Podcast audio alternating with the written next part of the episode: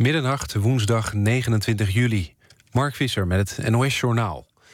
In 2012 en 2013 hebben bijna 3400 studenten fraude gepleegd met hun studiebeurs. Ze kregen een beurs voor uitwonende studenten, terwijl ze niet op zichzelf woonden, blijkt uit cijfers van de dienst Uitvoering Onderwijs. De betrapte studenten moesten al het geld van de uitwonende beurs terugbetalen en ook kregen ze een forse boete. Brussel wil een eind maken aan het verschil in prijs voor kaartjes van Disneyland tussen Fransen en andere Europeanen.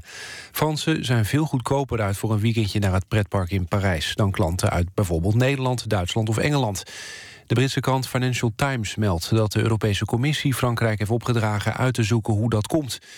Disneyland zelf zegt dat de prijzen niet oneerlijk zijn. Volgens het pretpark heeft het te maken met acties en kortingen en zijn de vaste prijzen overal hetzelfde. In de Amerikaanse staat Florida is een man van 23 opgepakt... omdat hij van plan zou zijn geweest een bomaanslag op een strand te plegen. De man is aangeklaagd voor het bezit van een massavernietigingswapen. Volgens de Amerikaanse justitie is de verdachte geïnspireerd... door de ideologie van Islamitische Staat. Frankrijk moet hard optreden tegen de actievoerende Franse boeren... vindt staatssecretaris Dijksma van Economische Zaken. Ze vindt het onacceptabel dat boeren buitenlandse vrachtwagens... met landbouwproducten stoppen en leeghalen. Dijksma wil de kwestie tijdens het volgende EU-beraad in september bespreken. Het weer tot slot. Vannacht enkele buien en het koelt af naar ongeveer 12 graden. Morgen vooral ochtends buien, kans op onweer en hagel dan. En daarna meer zon en ongeveer 17 graden. Dit was het NOS Journaal. NPO Radio 1. VPRO. Nooit meer slapen.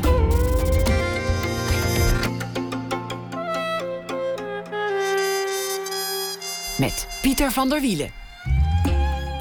Goedenacht en welkom bij Nooit meer slapen. Na één uur een portret van de Nederlands-Australische schrijver Michel Faber. Samen met onze verslaggever Maarten Westerveen gaat hij op zoek naar het verhaal achter de bij toeval ontdekte enige filmopname van zijn vrouw die onlangs overleed. Rob van Essen schrijft deze week elke nacht een verhaal voor ons. Dat zal hij uh, voordragen na ene. Maar we beginnen met Samuel Levy. Brand en Levy, je kunt ze amper nog ontlopen. Op festivals, speciaalzaken, cafés, sterrenrestaurants. Overal willen ze de worst van Brand en Levy. Het begon ooit als experiment onder drie vrienden die alle in de horeca werkten. Brand, Levy en Van Wersch. Maar Brand, Levy en Van Wersch, dat klonk niet zo goed. Een van de drie moest zijn naam opgeven. Althans op het etiket. Samuel Levy, geboren in 1983, studeerde politicologie. Werkte intussen in de horeca, in de, keuken van verschillende restaurants. Reisde rond door Italië en Frankrijk uit nieuwsgierigheid om alles te weten te komen over de beste worst. Naast vleeswaren en worst was hij ook oprichter van de Youth Food Movement.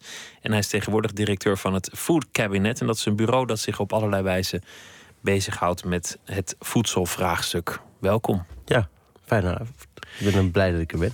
Je hebt uh, zelfs je Joodse grootouders aan de, aan de varkensworst gekregen, uh, las ik ergens. Ja, mijn oma die is ook wel een beetje dement. Dus misschien uh, dat ze het ook niet zo heel goed meer weten. Maar die eet tegenwoordig graag varkensworst. En het begon eigenlijk een paar jaar geleden toen we ermee begonnen. Dat ze, nou, keek ze nog wel een beetje moeilijk. En dan als ik haar vroeg of ze een stukje worst wilde proeven, dan deed ze het met tegenzin. En langzaam begon ze toch ook wel een beetje trots te zijn op dat er haar naam ook op de worst stond. En inmiddels is ze vervent eter van onze worst. Je hebt er een ketter van gemaakt. Ja, daar komt het wel een beetje op neer. Wat, wat aten jullie thuis? Wat, wat was dat voor uh, cultuur? Ja. eten. Nou, ik kom echt uit een familie waar uh, voedsel belangrijk was en eten belangrijk was. Mijn moeder die, uh, die is e-, een Engelse. Mijn en we waren veel in Engeland. En mijn grootouders hadden een mooi huis in, het, ja, in Zuidwest-Engeland, in Cornwall. Waar ja, ik echt herinneringen heb aan diners waar mijn oma en mijn en mijn moeder uitgebreid zonder te koken. En als er, als er bijvoorbeeld vis moest worden gekocht, dan gingen we me open naar de haven en dan kochten we vis bij, bij de vissers.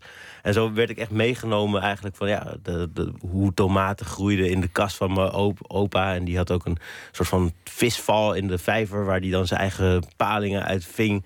Dus voedsel zat er echt in. We waren. Ehm, mijn moeder kan fantastisch goed koken. En ik als kleine jongen was ik dus ook altijd heel erg geïntegreerd van ja waar komt eten vandaan, hoe groeit het.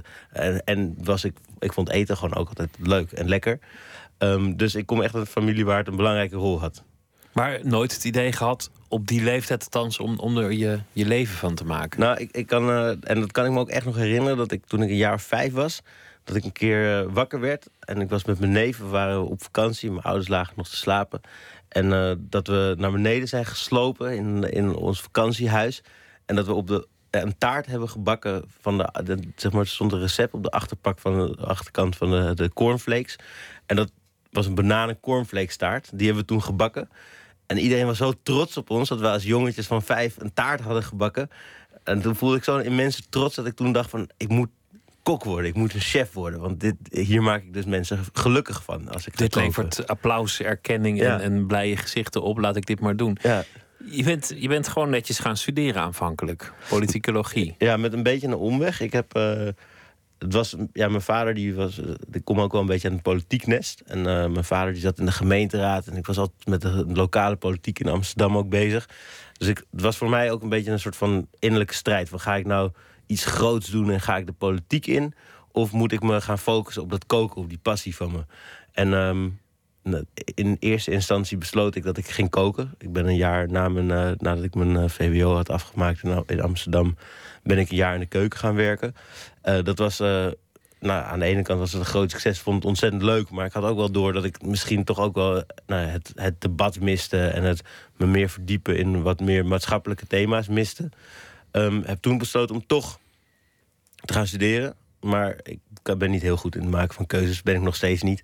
Uh, ik probeer, doe nog steeds altijd heel veel dingen tegelijkertijd. En ben toen eigenlijk tijdens mijn studie begonnen met een eigen cateringbedrijf, een eigen restaurant. Uh, en heb zo altijd een beetje op die twee uh, paden over die twee paden gewandeld. Dus het, het debat, het idealisme misschien ook. En, en tegelijk ehm, het, het eten en gewoon daarmee bezig zijn. Ja. Nou, en dat was ook nog een, een periode waarin ik niet helemaal door had dat het voedsel ook echt een maatschappelijk vraagstuk was. Dus dat was voor mij op dat moment ging dat over mijn passie, over koken, mooie producten, maar ging het niet zo heel erg over van waar komt dat eten vandaan en wat zijn de, de aan voedsel gerelateerde thema's. Um, en naarmate ik in mijn studie bezig was en me eigenlijk uh, ging verdiepen in de, nou, de hele transitie denken over hoe kunnen we naar een duurzame wereld gaan en de, de beleidsvraagstukken daarachter. Uh, ging ik inzien dat, dat voedsel ook gewoon een heel groot politiek thema was. En eigenlijk, ik was echt een, ik was geen goede student. Ik uh, was echt van, ik zat, zat liever om de hoek koffie te drinken dan dat ik in de collegebank zat. Maar vanaf het moment dat ik doorhad dat die, dat voedsel en beleid niet twee verschillende werelden waren. En dat mijn, mijn liefde voor voedsel en mijn liefde voor nou, de maatschappij en daarover nadenken hoe we die mooier kunnen maken, dat dat ook samen kon vallen. Toen ging er bij mij een soort van lichtje branden. En toen werd ik opeens ook een hele ijverige student. En begon ik het ook echt leuk te vinden. Ze zeiden dat het uh, eerst komt het vreten, dan komt de moraal. En, en, je zou kunnen zeggen dat de moraal heel goed thuis komt via het vreten. Ja. Omdat dat alle grote politieke thema's zo'n beetje, of, of althans heel veel, die, zijn, die komen via eten. Ja, ik denk dat voor bij steeds terug. Ja, nou, ik denk dat voor steeds meer mensen uh, dat voedsel een manier is om te communiceren over bepaalde thema's. Dus of het nou over uh, milieuproblematiek gaat of over verdelingsvraagstuk. Uh, voedsel is vaak toch wel een manier om daar iets over te kunnen zeggen. Kon je ook koken? Want, want in heel veel Nederlandse horeca maakt het niet zo heel veel uit of je kan koken. Maar het is natuurlijk wel iets wat je moet kunnen. Ja. Als, je, als je ergens in de keuken staat en uh, dingen bakt en snijdt. Wist je dat meteen dat je, dat je daar goed in was? Nou, ik, ik was, vond experimenteren leuk. Ik, ik, ik wist ook al redelijk snel dat ik nooit de beste kok van uh, Nederland zou worden. Uh, bij, bij lange na niet. Als ik kijk ook naar mijn compagnons hier in Geert... die ook echt in de horeca hebben gewerkt... die zijn in vele opzichten ook veel betere koks dan ik ben. Um, misschien op een bepaalde manier gedisciplineerder of nauwkeuriger of werk gestructureerder. En dat was iets wat mij ook, nou, wat, wat mij misschien soms ook wel parten speelde als ik in de keuken stond. Maar ik kan wel heel lekker koken. En ik vind koken fantastisch. En ik, kan, ik heb een goede smaak. Dus ik, ik, kon, ik kon heel ver komen met mijn, uh, met mijn eigen smaak en mijn eigen ideeën. Um, maar ik wist wel redelijk snel dat, dat ik niet. Uh, dat mij niet een lang leven in de keuken ja, tegemoet, dat, dat, ik niet een lang leven in de keuken tegemoet zag gaan. Jullie kenden elkaar alle drie al uit die tijd, hè? uit de studententijd? Ja, eigenlijk voor studie. Uh, uh, we, zaten allemaal in Zuid op de middelbare school en we kwamen elkaar wel eens tegen op, uh, op feestjes en dat soort dingen. En eigenlijk was het de dag dat ik me had ingeschreven voor me, dat ik na een jaar in de keuken te hebben gestaan, had besloten om toch me maar eens in te gaan schrijven voor de studie politicologie. eh, dat ik Jiri tegenkwam. Uh, Jiri Brandt, dus een van mijn compagnons. En ik weet nog dat ik me echt knap lullig voelde. Ik had net mijn boeken ook opgehaald. Dus ik had een stapeltje boeken over politieke theorie en zo. En hij kwam net van de koksopleiding. Hij had zich uh, besloten om zich toch maar als, op, nou, in te schrijven op de koksopleiding. Hij kwam met een mooie messenmap. dus een mooie bundel met mooie Duitse woesthoofmessen. kwam hij terug van zijn school en ik kwam met die boeken. En ik dacht echt, ah... Oh, had ik me dan misschien toch maar voor de koksopleiding moeten inschrijven. Dan had ik ook van die mooie messen Die messen waren interessanter dan, dan de boeken op dat moment. Jullie zijn op een gegeven moment gaan reizen uit, uit nieuwsgierigheid naar, naar de worst. Ja. Een, een merkwaardig besluit. Dat, dat je samen elkaar aankijkt en zegt: Goh, worst, we, moeten op reis. Hoe gaat zoiets? Ja, we werkten een lange tijd in de horeca. Hier en Geert die, uh, hadden bij Le Hollandais gewerkt. Een heel mooi restaurant op de, uh, aan de Amstel in Amsterdam. En die hadden daar worst leren maken. Uh, en dat had ik weer van hen geleerd. Um, en daar hadden we eigenlijk... Ja, we hadden een beetje door van... Dat is een hele mooie manier om van een soort van minder gewaardeerd stuk vlees iets moois te maken. Als een kok, zeg maar, uh, met dat vlees om te gaan... en als een soort van ja, recept in een, in een darm eigenlijk kon, kon, je hele mooie dingen maken. Dus we, waren er altijd al mee bezig geweest. In ons eigen cateringbedrijf stond altijd worst ergens. Als we een feest kookten of als we iets deden, altijd worst op de kaart. We stonden ook samen in een restaurant uh, te koken. Altijd worst op de kaart. Gewoon omdat we dat, ja, dat is een soort van uh, signature dish geworden. Vonden we gewoon leuk om te doen.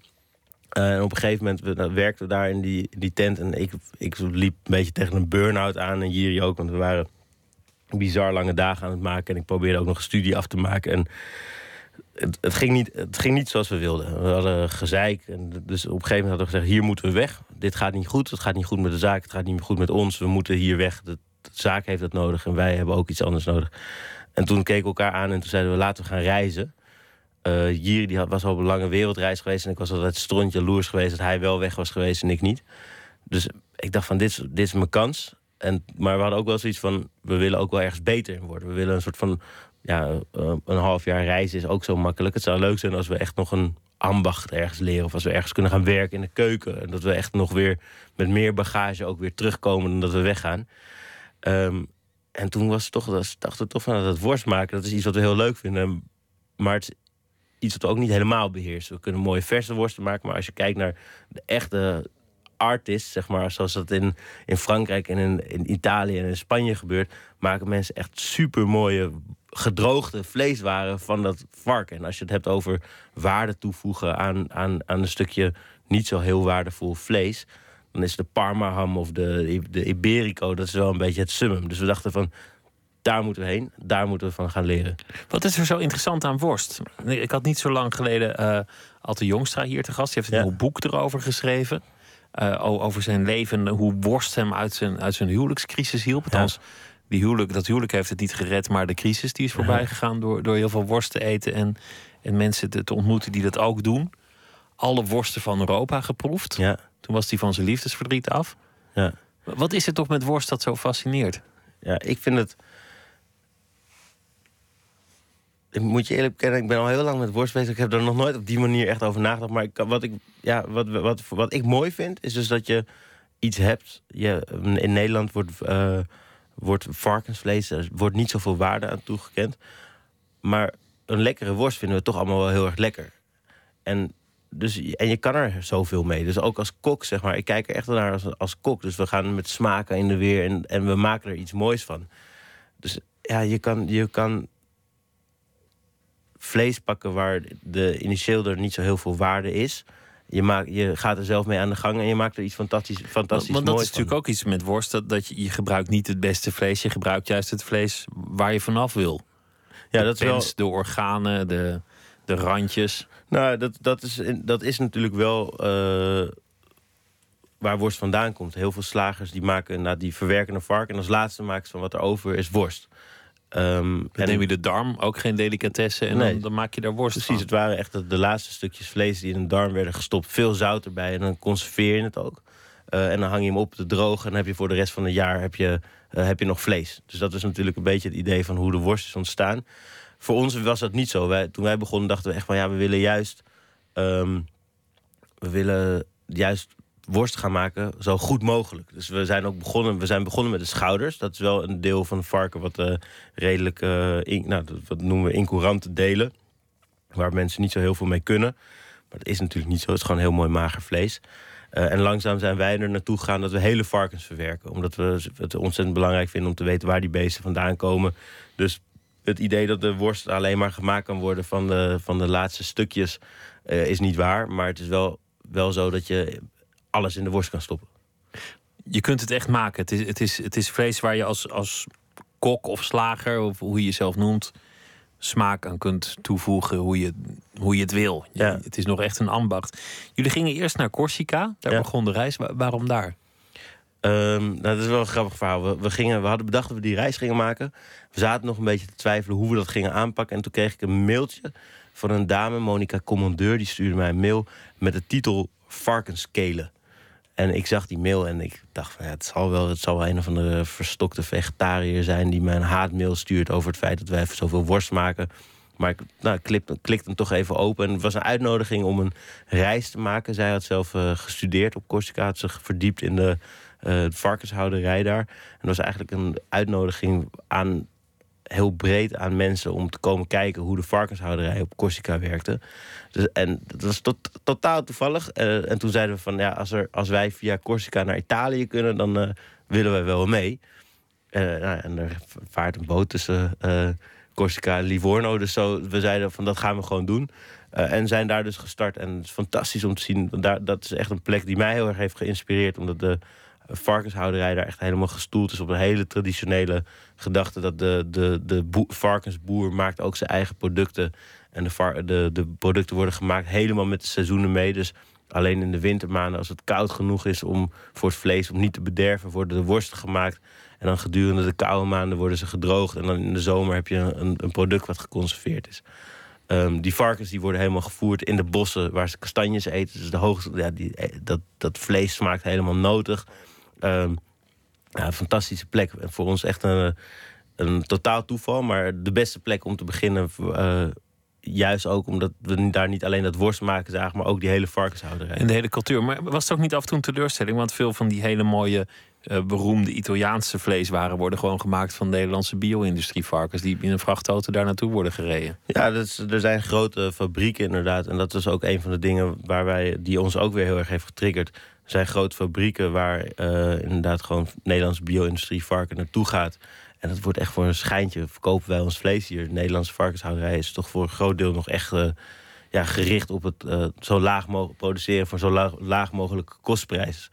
Het vlees gaat vervolgens naar Italië. Daar worden producten gemaakt. Daar wordt dus ook waarde toegevoegd aan die producten. En vervolgens kopen wij het weer terug alsof het door een omaatje met een, de, de, de, de worstjes vers van de olijfboom zijn geplukt, bij wijze van spreken. En dat het allemaal super ambachtelijk is. Terwijl we eigenlijk ons eigen industrievlees aan het opeten zijn. Ehm, en, en dat was voor ons ook een van de redenen om te denken van ja, waarom zou dat niet in Nederland kunnen? Waarom kunnen we niet in Nederland van, van we weten dat varkensboeren het best wel moeilijk hebben in Nederland. Het is moeilijk om hun, om hun vlees voor een goede prijs te verkopen. Waarom zouden wij niet kunnen werken met die varkensboeren die echt op een bijzondere manier die varkens houden? Daar waarde aan toe gaan voegen door hele mooie producten te maken, zoals ze dat ook in Corsica doen. Want als je in Corsica keek, dan, dan die varkens die werden dan verwerkt. En dan werd vervolgens de hammen voor wel 90 of 100 euro de kilo verkocht. Nou, en toen dacht van, dat, dat is eigenlijk wat in Nederland ook mis. Gewoon de gedachte van, we, hoeven niet, we moeten niet tegen de kostprijs zo laag mogelijk maken. Maar we moeten zorgen dat we zo mooi mogelijke producten ook maken. Zodat we die ook voor een goede prijs kunnen verkopen. Waardoor de boer een betere prijs kan krijgen. En het varken een beter leven heeft. Kortom, eigenlijk was, was die reis het begin van, van een gedachte die uiteindelijk zou leiden, bijna onafwendbaar tot, tot een bedrijf. Ja. ja, we kwamen terug en we hadden echt heel veel energie om aan de slag te gaan.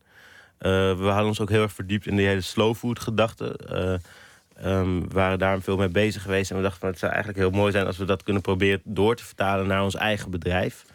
Ehm, en dat is, eh, ja, dat is eh, heel klein begonnen. Dus we begonnen eerst met eerst maar eens kijken of we überhaupt in Nederland gedroogde worsten kunnen maken. Want dat was nog best wel spannend. Want mensen zeiden tegen ons, ja, vind je, dat doen we niet voor niks, niet hier. En dat gebeurt allemaal in Italië, omdat daar het goede klimaat is. Nou, voor een deel is dat zo, maar voor het grootste gedeelte daar is allemaal onder klimatologische omstandigheden. En ook op een redelijk moderne manier wordt het nu gedaan. Dus er werd een beetje lacherig over gedaan. Dus wij begonnen in Nederland. Nou, de klimatologische omstandigheden bleken niet zo goed te zijn. Want we hadden een klein keldertje op de boerderij... waar we dan de eerste keer worsten maakten. Nou, binnen de kortste keren had het geregend en stond de kelder onder water... en waren onze worsten... Nou, die, die roken niet alsof je daar nog een hap van wilde nemen, zullen we maar zeggen. En, uh, dus het was echt een proces in het begin. Maar op een gegeven moment kwamen we erachter dat het wel gewoon kon in Nederland. Dat we ontzettend mooi varkensvlees konden krijgen via, uh, via Dirko, bevriende boer. Uh, dat we hele lekkere worst konden maken. Dat de chefs heel enthousiast waren. het luistert best nauw, want die dingen, die dingen beschimmelen. Het kan ontzettend zuur worden. Je kan die worst natuurlijk uh, een laagje laten krijgen, maar niet helemaal goed dat het gewoon bederft. Het, het, ja. Je kan die worst, nou ja, al bij het, bij het maken van de worst kan die openbarsten dat het een, een kledderboel wordt. Ja, nou, de eerste, eerste jaar is, hebben we ons een beetje opgedeeld. En heeft vooral Jiri zich echt helemaal gestort op het, uh, het helemaal uitdokteren van hoe, hoe die fermentatie goed kunnen krijgen in Nederland. En hoe we, want het is inderdaad, uh, de worst moet, we fermenteren onze worsten. Dus ze worden eerst op een wat hogere temperatuur weggehangen. Vervolgens uh, hebben we een soort van heel schema van hoe, hoe, ja, op welke temperatuur ze vervolgens moeten worden weggehangen en dan hoe lang. En het hangt ook weer van de dikte van de worsten af. Uh, dus daar is hier heeft zich daar helemaal op gestort. En daar, nou ja, dat bleek dus heel nauw te luisteren, inderdaad. Maar als je dat eenmaal doorhad, dan kan je ook hele lekkere worst maken. We gaan luisteren naar uh, twee Franse muzikanten, Nouvelle Vaak. Ze maken liedjes van andere artiesten um, tot iets nieuws. En uh, dit nummer is oorspronkelijk van de Talking Heads, Road to Nowhere. Maar dit is uh, hun versie. There's a city in my mind. Come along and take that ride, and it's all right. And it's very far away, but it's growing day by day, and it's all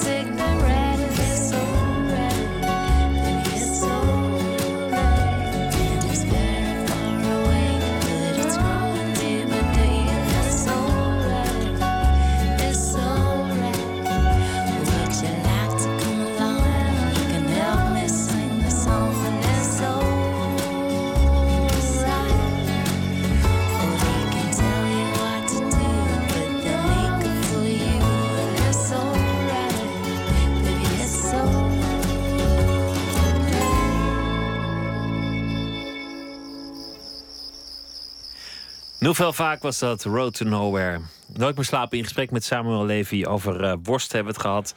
En eh, over hoe je ineens in de worst terecht kunt, eh, kunt komen. Ik ben vorige week op bezoek geweest in jullie worstenmakerij. Ja. Jullie, jullie bedrijf. Jullie gaan tot in de details zover. De varkens komen binnen, worden haken gehangen, in stukken ge- gehakt. En jullie maken er van alles van. Maar geen enkel compromis. Zelfs het zout wordt zelfs eh, zelf geïmporteerd. En eh Ja. ga zo maar verder. Ja, we proberen gewoon zoveel mogelijk eh, met zo ja, goed mogelijke producten te werken. En zoveel mogelijk rekening te houden met dat we, nou, de keuzes die we ook maken, dat die zoveel mogelijk verantwoord zijn. En inderdaad, zout was een van de dingen dat we erachter kwamen. Dat het zout waar we al lange tijd mee hadden gewerkt, dat daar antiklontermiddel in zat. En waarvan we dachten van ja, er hoeft eigenlijk helemaal geen antiklontermiddel in ons zout. En dat we uiteindelijk eh, uitkwamen bij een supermooi zout dat we zijn gaan importeren eh, uit Italië. En, en zo zijn we, ja, we zijn dus altijd op zoek naar de beste kwaliteit of de, eh, de, de, de, de meest verantwoorde keuze. En zo blijf je altijd maar schipperen. Dus ook, dat maakt het werk ook hartstikke leuk. Dat je altijd op zoek kan naar. Nou ja, we, van de week we- gaan we weer op bezoek bij een, bij een varkensboer. om te kijken van, of, dat, of dat iets voor ons is. En dat maakt het leuk. Ja. Jullie, jullie doen geen compromissen. Je zei eerder, ehm, de politiek interesseert me ook. Je bent Ja. ook eh, de oprichter van de Youth Food Movement geweest. Dat is de, de, zeg maar de, de, de jongere tak van de slow food beweging. De, de Italiaanse eh, oprichter uit, uit Piemonte, hoe heet die? De, Carlo Petrini. die, heb je ook, die heb je ook ontmoet een, een aantal keer. Ja. Die, die heeft ook met jullie samengewerkt. Heeft dit wel iets te maken met, met de oplossing? Het is natuurlijk prachtig als je je eigen bedrijf begint en, en probeert om zo goed mogelijk worst te maken. Ja. Maar is dit uiteindelijk wel de oplossing of is het gewoon een, een, een elitaire niche? Ehm, dat is een hele. Dat is een vraag waar ik vaak, vaak zelf ook over nadenk. En waar, waarvan ik ook niet precies kan zeggen. Eh, ik denk dat het een oplossing is als mensen gewoon gaan nadenken en hun bedrijven en bezigheden vorm gaan geven naar op de manier waarop ze de wereld ook voor zich zouden willen zien. En eh, ja, kijk, ik, ik denk dat het als je kijkt naar, als je het over duurzaamheid hebt bijvoorbeeld, dan denk ik geloof erin dat we met z'n allen veel minder vlees moeten gaan eten. En ja, dan, ik denk niet dat het toegankelijk is voor iedereen om elke dag brand- en leefjeworst te eten. Eh, omdat ons product een stuk duurder is door de keuzes die we maken. Ehm, maar ik denk dat het ook niet de bedoeling is dat mensen elke dag vlees eten. Dus ja, da- daar, daar kan je ontzettend discussies over hebben. Van, ja, dat is een interessante oplossing. Maak, maak de worst gewoon duurder, dan eten mensen niet meer elke dag vlees. Nou ja, de- als, je, als, je de, als je goed vlees wil eten van beesten die een goed leven hebben gehad. Of als je. eh, en, en sommige mensen zeggen van ja, je moet misschien op een intensieve manier beesten houden. Daar ben ik het niet mee eens, omdat ik het dierenwelzijn heel belangrijk vind. Maar als je dat op een goede manier wil doen, dan is het ook duurder dan als je het op een, op een manier doet die minder goed is. Dus je moet sowieso investeren daarin. Dus het vlees zal altijd wat duurder zijn. Ehm, en dan, ja, dus dan moet je er ook minder van gaan eten, denk ik. Ehm, en, en dus dat zijn van die discussies waar we, eh, waarvan ik nooit precies weet van ja, ik denk niet dat wij de wereld eh, beter aan het maken zijn. Maar we proberen in ons eigen vakgebied wel mensen te inspireren om het op een andere manier te doen. En mensen wel bewust te maken van oké, als je vlees eet, wees je bewust waar het vandaan komt. Wees je bewust dat er keuzes te maken zijn. Ehm, en ik denk dat als iedereen daar op die manier een steentje in bijdraagt, dat, we wel met z'n allen de, de, de goede kant op gaan. Maar het- en dat is een van de dingen waar ik de afgelopen jaren tegenaan ben gelopen, is dat het hele voedselsysteem is gigantisch complex. En er is ook niet één oplossing. Dus ik bedoel, wij zijn hiermee bezig, maar iemand die vegetariër wordt omdat, hij er, nou, omdat, omdat minder vlees eten duurzamer is, is ook, die is hartstikke goed bezig. Dus er zijn allemaal verschillende manieren. Maar, Maar, ik denk, maar met een, een groeiende wereldbevolking zal een zekere mate van industrieel voedsel of, of intensieve landbouw waarschijnlijk altijd nodig blijven, denk ik. Ja, kijk, er zijn. Dat, ja, ik denk dat we hebben laten zien dat industriële, de industriële landbouw voor een deel kan zorgen dat we mensen kunnen voeden. We moeten ook niet vergeten dat eh, nog steeds 70% of 80% van de landbouw op, op de wereld eh, is klein, klein, op kleine schaal. En is, is helemaal niet de industriële landbouw. En die voedt dus ook voor een belangrijk deel gewoon de wereld. Dus het, we moeten ook een beetje uitkijken dat we niet in dat dogma leven dat dat de enige manier is. Ik geloof er heel erg in dat er verschillende systemen naast elkaar moeten bestaan. En ik denk dat de het industriële systeem eh, wel degelijk nu ook moet gaan laten zien dat het, dat, dat het echt op een duurzamere manier kan. En er wordt heel vaak gezegd van ja, kijk, het kan allemaal veel duurzamer. Eh, en, dat hebben we ook laten zien. Er worden veel minder pesticiden gebruikt. We kunnen, we, we kunnen alternatieven gaan vinden voor, eh, voor de kunstmest die ook op gaat raken. Dus, dus er zijn echt wel. dat is allemaal heel hoopvol. En dat, dat, dat is denk ik ook voor een deel geïnspireerd, bijvoorbeeld. Misschien weer door de biologische landbouw. Dus ik denk die systemen moeten naast elkaar bestaan. Eh, maar we moeten ook beseffen dat we de manier waarop we zijn gaan consumeren en zijn gaan produceren, dat dat ook wel een beetje een soort van hele ja, arrogante, egoïstische manier is. Die heel erg er ook op is gericht om vooral ook het Westen te voeden. Ehm, dus Want we importeren in feite water uit de woestijn, als het zo ja, uitkomt. In, in de vorm uit van de woestijn. We halen asperges. halen we ergens vandaan. We, eh, we halen. Ehm, we, we- dus we, bedoel, we, we hebben altijd heel veel grondstoffen van over de hele wereld hierheen gesleept. We halen eh, soja hier vandaan om onze dieren te voeren. Maar ja, de grondstoffen gaan ook niet weer terug naar de andere kant van de zee om daar, om daar het land weer vruchtbaarder te maken. Je zei het is heel ingewikkeld. Dat geldt ook op individueel niveau. Als je, als je denkt dat je het goed doet, dan blijkt er altijd wel weer iets anders waardoor je het niet goed doet. Ja, Het is als je alles goed wil doen, dus voor je gezondheid goed wil eten en eh, een eerlijke boerenprijs en goed voor het klimaat, nou ja, ga ze maar door en dierenwelzijn, dan blijkt het uiteindelijk altijd veel ingewikkelder te zitten dan je zou denken. Lo- Loop je daar zelf ook tegenaan? Want jij, jij verdiept je daar professioneel in. Ja, ik vind het. eh, ik, ik loop er zeker tegenaan. En ik denk dat het een van de dingen waar we voor moeten waken is dat we, dat we niet met z'n allen cynisch worden en het gevoel hebben dat de, de keuzes die we maken dus maar niet uitmaken, omdat er zoveel keuzes zijn.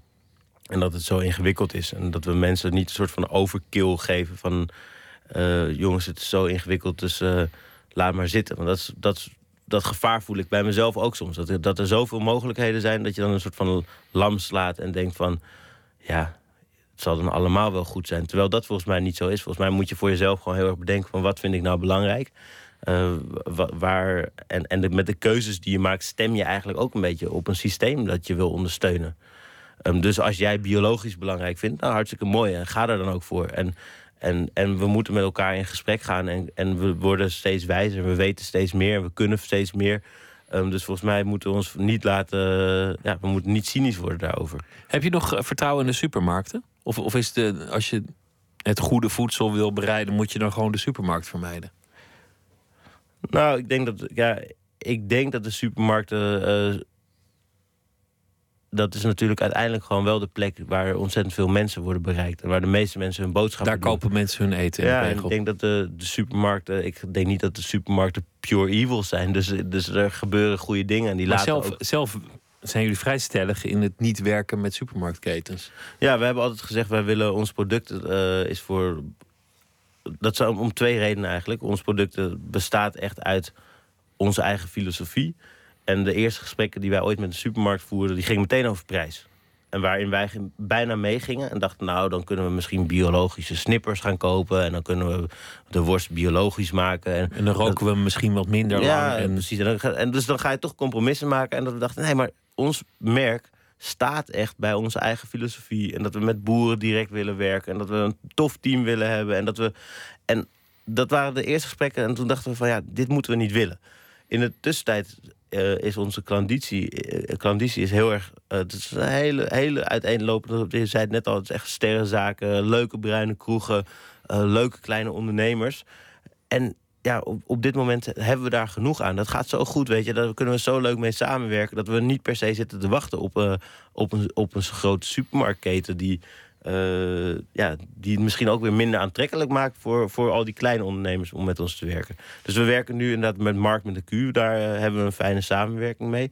Eh, maar veel, ja, dat is voor ons op dit moment ook wel gewoon goed. Maar dat is natuurlijk wel het, probleem, dat het, dat het zo op prijs wordt bepaald allemaal. Dat, dat je eigenlijk heel vaak ehm, gewoon geflest wordt als consument.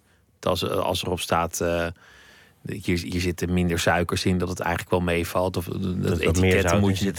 Ja. Nou ja, dat, dat de, de Keuringsdienst van Waarde die heeft daar een- honderd seizoenen mee kunnen, kunnen Ja. vullen. Ja, het is allemaal natuurlijk ontzettend on- ondoorzichtig. En marketeers zijn heel goed in eh, met mooie leuzen smijten en, eh, ehm, en, en dingen heel erg eh, groen en duurzaam laten lijken. Of heel gezond laten lijken, terwijl dat helemaal niet is. Ehm, en, en daar vind ik uiteindelijk toch ook weer bij dat dat de consument ook een soort van toch een eigen verantwoording heeft. Aan de ene kant moet er gewoon, moeten de spullen die in de winkel liggen aan bepaalde eisen voldoen. Ik denk dat we daar ook daar mag overheid strenger naar kijken. En er mogen ook gewoon strenge regels over zijn, wat mij betreft. Maar als consument moet je ook een soort van natuurlijk, natuurlijke nieuwsgierigheid hebben, vind ik, om, om wel door dat soort dingen heen te kunnen prikken. Dus, dus, die, dus al die marketingleuzen, ja, we worden er helemaal dood mee gegooid. En ja, ik denk dat, dat we daar toch wel ook een soort van... eh, in ons alles schuilt, schuilt denk ik wel af en toe een beetje zo- zo'n eh, keuringsdienst van waardeonderzoeker... die ook dan weer naar iets kijkt dat je denkt... echt, zou dit nou echt zo zijn? En dat je eigenlijk ook wel weet dat, dat het niet zo is. Bill Clinton die was na zijn hartaanval helemaal eh, op het eten gaan concentreren. En die zei: Je moet een iconoclast worden. Je moet nooit iets eten waar een logo op staat. Ja. Nou hebben jullie inmiddels jullie eigen logo natuurlijk ook met, met, met de worsten. Maar er is wel wij iets hebben, voor wij te hebben zeggen. geen logo's. Wij, dat, wij hebben ook voor gezegd, eigenlijk gezegd van we hoeven bijvoorbeeld niet biologisch te zijn. Ik geloof dat, dat er mooie dingen in het biologisch zitten, maar ik vind het belangrijker dat we via onze, met onze eigen, eh, ja, binnen onze eigen waarden eh, werken. En dat, daar hebben we geen logo voor nodig. En ik, en ik denk Maar ik denk die- dat hij bedoelt: je moet alle grote merken gewoon laten liggen. je moet gewoon vooral veel vers eten eten. Dus ik denk dat dat eigenlijk eh, de, de. Sowieso, als je het hebt over gezond eten, ja, je kan van alles en nog wat doen. Maar ik denk, als we gewoon veel groente en fruit eten, eh, af en toe misschien een beetje vlees, af, eh, een beetje zuivel, een beetje brood. eh, als je, ik bedoel, als we gewoon veel er- vers eten eten en zelf ook de moeite nemen om te koken, dan denk ik dat we al heel snel een stuk gezonder eten. En dan heb je inderdaad ook geen logo's op je eten nodig. Het gaat voor een heel groot deel in, in de voedselindustrie over, over het gehalte vet, suiker en zout. Ja. Want dat zet mensen aan tot eten. Dat, Ja. dat geeft ook het meeste voldoening. Ja. Dus, dus iedere voedselgigant weet van als je, als je niet die drie ingrediënten in een zekere mate in je product hebt zitten, dan zal het nooit aanslaan. Nee. Lopen jullie daar ook tegenaan? Want jullie doen het allemaal ambachtelijk, maar jullie moeten uiteindelijk toch dat, dat, dat verzadigde dat- gevoel oproepen bij, bij de menigte. Ja, dat is echt totaal iets waar wij nooit mee bezig zijn. Dus ik bedoel, we. Eh, ik heb het, overigens is er hierover voor mensen die dit interessant vinden... een heel leuk, heel interessant boek door Michael Moss geschreven. eh, van, de, eh, van de New York Times, ja. de, de ja, voedseljournalist. echt, echt een geweldig boek. Dat zou ik absoluut aanraden. Maar als wij, wij zijn nooit zo bezig met ons product. Dus we proberen gewoon een lekker product te maken. We zijn er, we zijn er echt als koks mee bezig. Dus we proeven. Nou, en, en we denken er wel over na. Dat we bijvoorbeeld waren laatst met dingen bezig. Dat we zeggen, ja, als we er een, een paar gram minder zout in kunnen doen, doen we dat liever omdat we, we vinden het ook belangrijk dat, het, dat, eh, dat producten niet ongezond zijn. Nou, nu is het wel zo dat onze gedroogde worst is een product wat echt geconserveerd is op de oude manier van het zouten. Eh, dus dat, dat, dat conserveert onze worst. Dus daar kunnen we ons niet in permitteren om eh, hele gekke dingen te doen met hele lage zoutniveaus. Want ja, dan is de worst niet meer veilig. Ehm, maar we zijn er, we zijn, het is nooit zo dat wij denken van nou, als we er iets meer eh, suiker in stoppen, dan eten mensen er meer van. Maar het, het moeilijke is natuurlijk, dit, dit gaat ook voor een heel groot deel over, over maatschappelijke lagen en klassen. Mhm. het, het zijn vaak kwetsbare groepen Ja. die het slechtste eten. Die Ja. daar ook het minste eh, voorlichting in hebben gehad. Die ook niet altijd het geld hebben om andere keuzes te maken. Ja.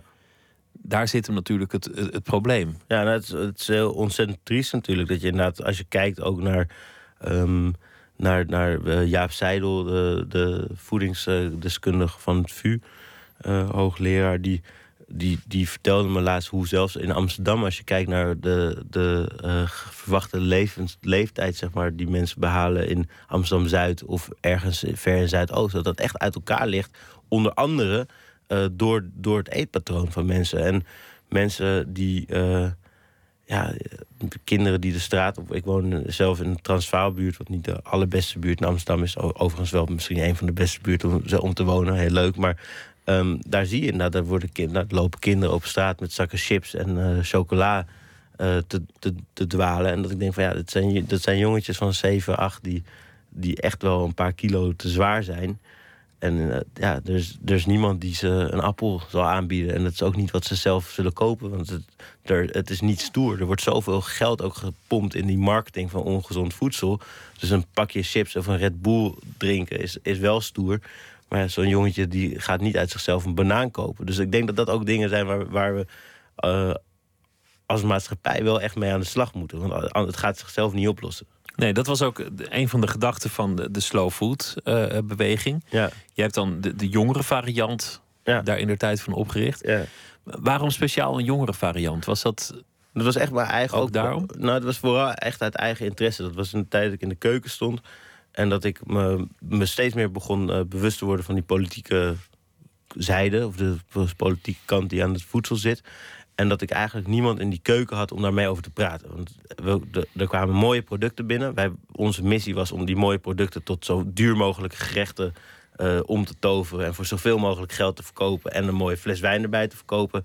Dat was onze missie. En op een gegeven moment dacht ik, "Ja, ik heb geen idee. Ik was, was dan een scriptie aan het schrijven over de duurzame visserij. Toen kwam ik de keuken in en ging ik een beetje een mooie tonijn staan fileren. En ik dacht van, ja, maar wacht even, dit voelt niet goed. Want ik, die twee werelden matchen niet. En ik dacht van, er zijn, waarom ken ik niet die jonge boeren... die ook op een andere plek met dezezelfde vraagstukken zitten? En waarom ken ik niet die jonge beleidsmakers? Waarom ken ik niet de jonge doktoren die bezig zijn met, met ook nadenken over, over die maatschappelijke kant van voedsel?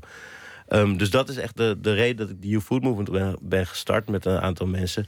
Is om die werelden aan elkaar te verbinden. En een soort van netwerk te gaan creëren van jonge mensen. Die met elkaar dat gesprek wilden aangaan. Eh, en, en, en dat was heel gaaf. Dat, dat ging heel snel. We zijn toen een academie begonnen. eh, het Food Film Festival uitge, uitgeramd. En eigenlijk was de gedachte voornamelijk van... oké, we willen een duurzamer voedselsysteem creëren als we dat willen, dan moeten wij als jonge mensen mee gaan denken. Want in die tijd, dat was eh, zes jaar geleden, vijf jaar geleden, als je naar de debatten ging, dan waren heel weinig jonge mensen bij betrokken. En ik had echt zoiets van ja, als, als wij daar niet bij zitten, wie gaat dan bepalen hoe, waar we heen gaan? Nou, dat, en dat, dat netwerk dat heeft elkaar echt aangestoken. En allemaal hele interessante initiatieven ook weer uitgekomen. Ehm, maar dat we ging dus, hij was ook een beetje gewoon een, een eigen ja, zoektocht naar, naar kennis en naar netwerk. Dan is jouw huidige sector het vlees. En dat is natuurlijk meteen iets, iets gevoeligs. Ja. Wa- Want ten eerste zijn er eh, veel gedocumenteerde misstanden in, in de vleesindustrie. Ja. We hebben het paardenschandaal gehad. We, we hebben nou ja, nog wel andere dingen gehad van, van vlees dat, waarvan alles aan toe was Ja. gevoegd. Of, of partijen die helemaal niet daar vandaan kwamen waar men zei dat ze vandaan kwam. En er zijn ook nog de mensen die zeggen... je moet helemaal geen dieren doodmaken om ze op te eten. Ja. Je zit wat dat betreft wel met je neus in de boter. Zeker, ja. Nee, en daar, daarin, dat is iets waar we ons ook steeds meer bewust van zijn geworden. En het is iets wat, waarvan we, kijk, wij denken dat we. Ehm, ten eerste denk ik dat het gewoon belangrijk is dat mensen beseffen dat, dat gewoon minder vlees eten eh, gewoon goed is. Ik bedoel, we Niet moeten, elke niet, dag, we moeten ja. niet elke dag vlees eten. Eh, om duurzaamheidsredenen met name. Dan is er de vraag van, ja, mag je dieren doden? Er zijn heel veel mensen die dat gewoon heel zielig vinden. Ja, ik, ik ben opgegroeid als kok en ik ben opgegroeid als bij, bij mijn opa op, de, op het land waar, de, waar, waar het ook logisch was als er, een, eh, als er een vis voor zijn kop werd geslagen omdat je die moest opeten. En dus ik zie mensen ook, ik zie dat niet als iets van dat, dat dat niet kan, maar ik vind het wel heel belangrijk dat als we dieren houden, dat we dat op een respectvolle manier doen. Met zoveel mogelijk aandacht voor de dieren en dat, dat, dat, dat we wel ja, toch een soort van ja, we, kiezen ervoor om dieren te houden en, en om die te doden, dan moet dat op, op een respectvolle manier zijn. En dat is een hele persoonlijke keuze. En ik vind het ook belangrijk dat mensen die keuze wel overwogen maken. Dus als jij het heel zielig vindt dat, dat wij dieren doodmaken om worst te maken, dan vind ik dat je ook geen vlees aan moet eten. Ehm, en ik denk dat iedereen die afweging echt wel voor zichzelf moet maken. Maar jij Ehm. krijgt, je hebt nog geen last van mensen die, die, die jou daarop aanspreken. Van, eh, Nee, en we vinden het ook belangrijk om die discussie aan te gaan. Want we weten ook dat, er- dat er. We zijn er ook mee bezig. Weet je, we hebben gezegd van bijvoorbeeld. Een van de dingen die. Een van de misstanden in, vind ik in die hele veehouderij. is dat we eh, voedsel van over de hele wereld verschepen om onze dieren te voeren. Nou, daarvan zeggen wij bijvoorbeeld van wij willen onze dieren echt zoveel mogelijk regionaal voeren.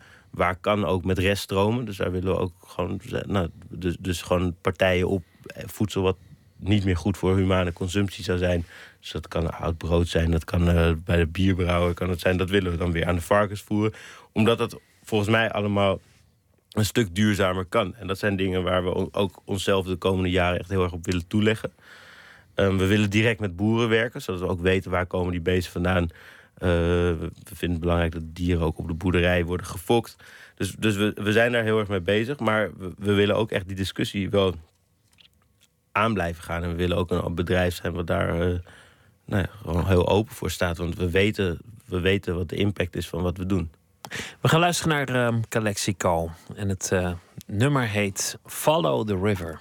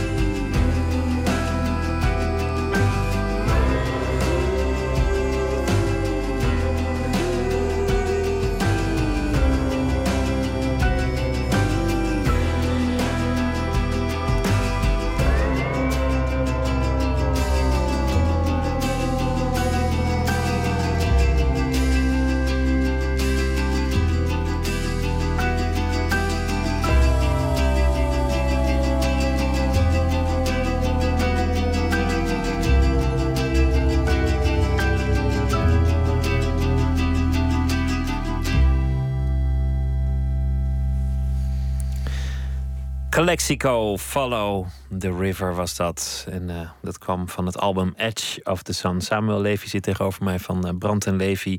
Worst- en vleeswarenmakerij. En eh, tevens oprichter van de Youth Food Movement. En directeur van het Food Cabinet. En dat is een bureau dat zich bezighoudt met voedselvraagstukken. En daar gevraagd dan wel ongevraagd advies over geeft. Wat zou je zelf nooit eten? Wat zou je nou echt nooit in je mond steken... wat wel een gangbaar gerecht is? Zo. Ik heb heel lang geen broodje kaas gegeten. Ik weet niet waarom, maar ik vond, ik, vind, eh, ik vond kaas ook heel lang niet lekker. Maar zelfs toen ik kaas wel lekker ging vinden, vond ik zo een plakje kaas op een broodje. Dat heeft me nooit aange- aangestaan. Ik Maar weet dat is een sompig zacht broodje met, Ja, met van die zo'n plastic-achtige. Ja, nee, zwetende kaas. Nee, en nee, dus dat- Zorg dat je nooit in de gevangenis Nee, komt. en, en dat is ook eh, gewoon echt de, de, de hamburger bij de McDonald's. Dat is eh de laatste keer dat ik die heb gegeten, werd ik er he- helemaal ziek van. Dat ik gewoon zo vies en zoet. En dat ik dat was to- toevallig een, drie jaar geleden of zo. Dat ik dacht, ik, dat had ik al heel lang niet gegeten. Omdat het ook een soort van het ding was waarvan, waarvan, ik, waarvan ik zei van dat is alles waar ik niet voor sta. En toen dacht ik op een gegeven moment, ik moet het toch weer eens een keer eten. Nou, dat ging ook helemaal fout. Ik denk dat ook een beetje geen verleiding vanuit. Nee. Nee, het was echt weerstand. En dat ik dacht, dat moet ik gewoon weer eens een keer doen. Want verder deins je nergens voor terug. Je had een, een tijd eh, een, stuk in, in, de, in het Parool... Ja. Waar, waar je schreef over, jou, Nog steeds, elke Nog week. steeds? Ja. over jouw culinaire experimenten. En dan- gaat het over, over pens die je staat te koken in, Ja. eh, in, in de keuken... dat het hele huis naar stront ruikt. Of, eh, ja, ik eet, echt, ik eet eigenlijk wel echt alles. Er, zijn, eh, er is nog steeds... ehm, ik had dus heel lang echt een fobie voor kaas. Die is inmiddels weg. En ik vind zelfs sommige kazen, daar kan je me echt voor wakker maken. Maar ehm, de hele harde roodschimmel of roodbacteriekazen... dat is, niet mijn, eh, dat is niet, nog steeds niet mijn ding. welke zijn dat? Ja, maroilles of een eh epoise, dan... Oh, dat, echt, dat het echt flink gaat stinken. Ja, ja dan, dan, dan eh, De geur van zweetvoet. een halve meter achteruit zitten aan tafel. En wat wel grappig is, want verder Want- eet ik echt voor een- alles. Voor een kaasliefhebber is dat juist de aantrekking. Ja. Hoe goorder het eruit ziet, hoe viezer het ruikt. Als het eruit ziet alsof het weg kan lopen, dan, dan begint die kaasliefhebber pas Ja. te watertanden. Nee, dus dat, dat is niet... nee. En ik was laatst was ik in Japan. En eh, daar heb ik ook eh, redelijk veel gegeten. Daar heb ik zelfs tonijn gegeten. Iets wat ik al jaren ook niet meer eet. Om, om, om echt gewoon de, de reden dat het gewoon zwaar overbevist is. En ik eigenlijk af moet blijven. Eh, maar dat kreeg ik ergens weer. Toen heb ik wel gegeten. Maar toen ze me vervolgens walvistong probeerden te serveren... toen heb ik toch wel vriendelijk bedankt en gezegd dat ik dat toch... Ja, dat, dat, dat gaat me dan ook gewoon weer te ver. Maar dat is ook een hele persoonlijke keuze natuurlijk. Want dat, Dat is een walvis die dan officieel gevangen is voor wetenschappelijk onderzoek waarschijnlijk. Waarschijnlijk wel, ja. En dan de tong. eh, Nou ja. ja. Jullie zijn heel erg actief op, met, met festivals. Dat is een van de dingen Ja. die jullie doen. Eh, jullie staan deze zomer op zo'n beetje ieder festival met, met een, een kraam. Ja. Jullie gaan ook naar een aantal voedselfestivals om iets te vertellen over, over Ja. jullie werk, maar ook over hoe jullie denken over eten. Ja. Om het gesprek aan te gaan. Ja. Jullie geven cursussen. Jullie gaan ook langs bij, bij grotere bedrijven om, om in discussie te gaan. Ja. En intussen groeit dat bedrijf. Jullie hebben nu een echt mooi eigen pand. Jullie, jullie ehm, draaien omzet. Waar houdt het op met, met dat groeien? Hebben jullie enige visie op de toekomst of volgen jullie maar? Rennen jullie erachteraan? Nou, we proberen wel daar zoveel mogelijk over te hebben. Maar ik vind het heel moeilijk. Kijk, we zijn nog jong. En we hebben ooit gezegd van toen we begonnen... van we vinden het heel belangrijk om echt vast te houden aan onze visie. Maar we hebben ook gezegd, we willen ook niet drie jongens zijn... die met z'n drieën elke dag alleen maar in de worstmakerij... worst aan het maken zijn. En verder niet, niet veel van de wereld kunnen zien... of niet veel interactie kunnen hebben met de wereld om ons heen. Dus we hebben gezegd, we willen er wel een echt een serieus bedrijf van maken... waar, waar, ja, waar we met meer mensen werken. Waar we ook drie, eh, in ieder geval alle drie van kunnen gaan leven. Eh, nou, we hebben er vervolgens. We hebben nog een bedrijf naast gezet. En ik denk dat het het belangrijkste is dat we binnen visie kunnen werken. Dus, eh, en dat is echt gewoon nou, met die boeren blijven samenwerken. Met, met varkens die op de goede manier gehouden zijn. Met de jongens in de slagerij. Met, die, met wie we goed kunnen communiceren. Waarmee we samen aan de lunchtafel kunnen zitten. Maar ook bij Food Cabinet. Met, dus volgens mij gaat het. De groei moet, zit veel meer in van kunnen we binnen de visie blijven werken? Kunnen we iedereen blijven kennen met wie we werken? En voelt dat goed? Maar Ehm, waarin verschillen jullie nou in essentie van een, een ambachtelijke ouderwetse slager? Dus een slager zoals je die in, in, in ieder dorp vroeger in het platteland had. Zoals die, zoals die bij mij om de hoek nog zit, die zijn eigen koeien slacht. Waarin, waarin verschillen jullie eigenlijk? Nou, ik denk dat we in, in eh, essentie misschien wel meer lijken op die ambachtelijke, ook al zijn we een stuk groter, ambachtelijke slager dan heel veel eh slagerijen of ook het vlees wat je in de supermarkt koopt. Omdat we wel echt vanuit dat beest werken. Ehm, maar we zijn wel wat groter en we hebben ons echt toegelegd op het verwaarden van vlees. Dus we, eh, doen, we verkopen eigenlijk nauwelijks vers vlees. Af en toe aan een bevriende chef die dan iets wil. Maar we zitten echt op het waarde toevoegen. Dus we proberen zo mooi mogelijk producten te maken. En we hebben alle drie een koksachtergrond. Dus we hebben helemaal geen slagersopleiding gedaan. Dus we zijn ook altijd bezig met het verwerken van het vlees. Veel meer als een kok eigenlijk. Eh, hier die heeft het ook veel meer over de brigade in de, eh, in, in, in, de slagerij. En die staat er ook veel meer als, als de chef-kok bij wijze van spreken. Met, het gaat echt om het toepassen, het maken van een product Ja. eh, van het vlees. Ja, precies. En, en daar willen we heel ver in gaan. En kijk, we hebben, we hebben nu wel gezegd van we willen, we, we, moeten in onze plek groeien. Want we zaten, we huurden ruimte bij de Lindenhof. eh, waar we een paar jaar fantastisch hebben kunnen produceren. Hè, kon- konden naar een nieuwe plek waar we veel meer nieuwe producten konden gaan maken. eh, wat echt eh, on- ontzettend uitdagend is. Eh, maar dat is ook een veel grotere plek. Dus daar moeten we in groeien. Ehm, want anders, dat, anders, anders houden we daar ook niet vol. Maar dat kan ook door allemaal andere dingen te gaan doen. Dus we zijn nu bijvoorbeeld bezig met het, organiseren van workshops. We hebben een atelier geopend waar we hopen dat mensen naar ons toe komen. Met, waar dingen, mensen dingen kunnen komen proeven. Misschien een keer nou, iets mee kunnen nemen naar huis. Dus het is voor ons niet.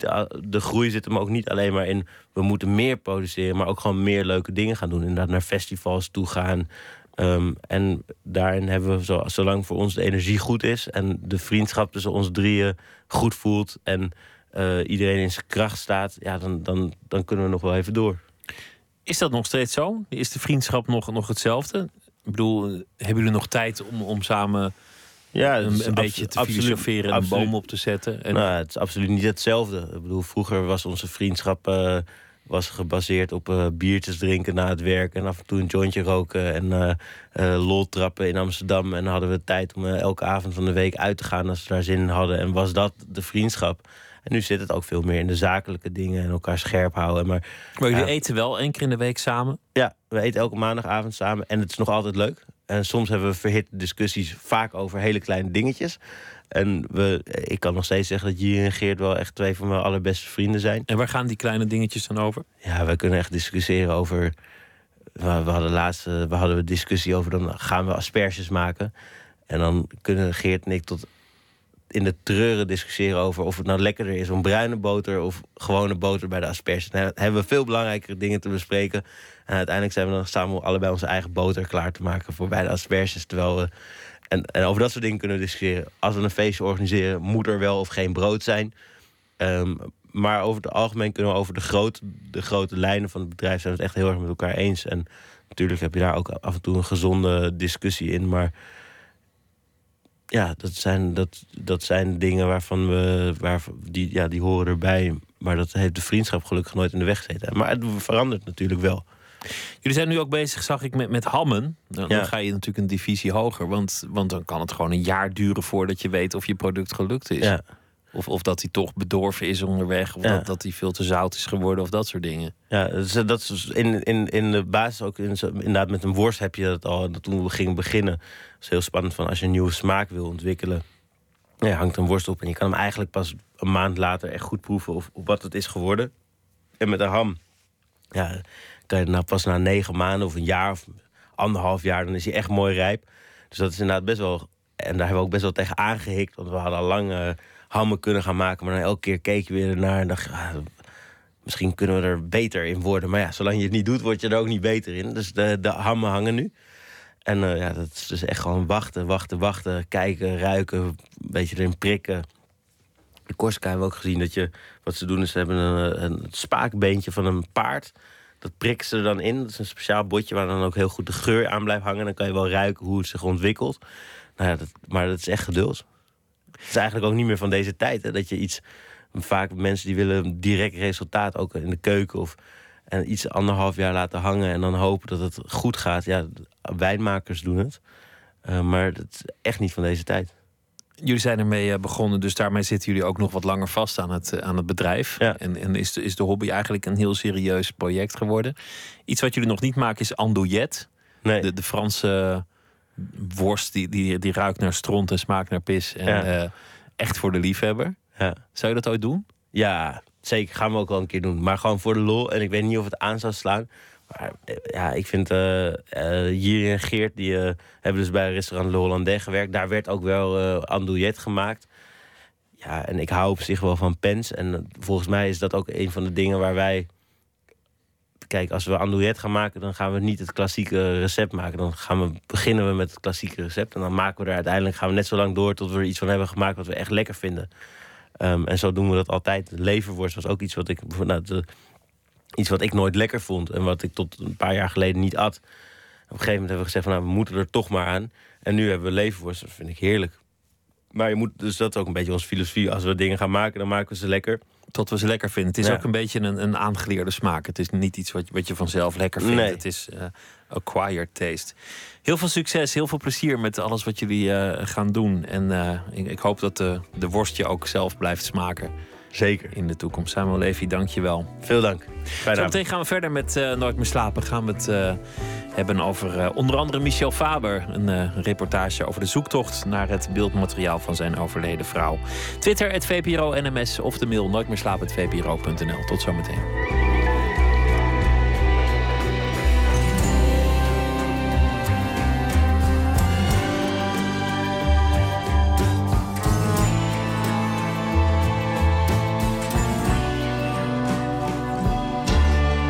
Radio 1. Het nieuws van alle kanten.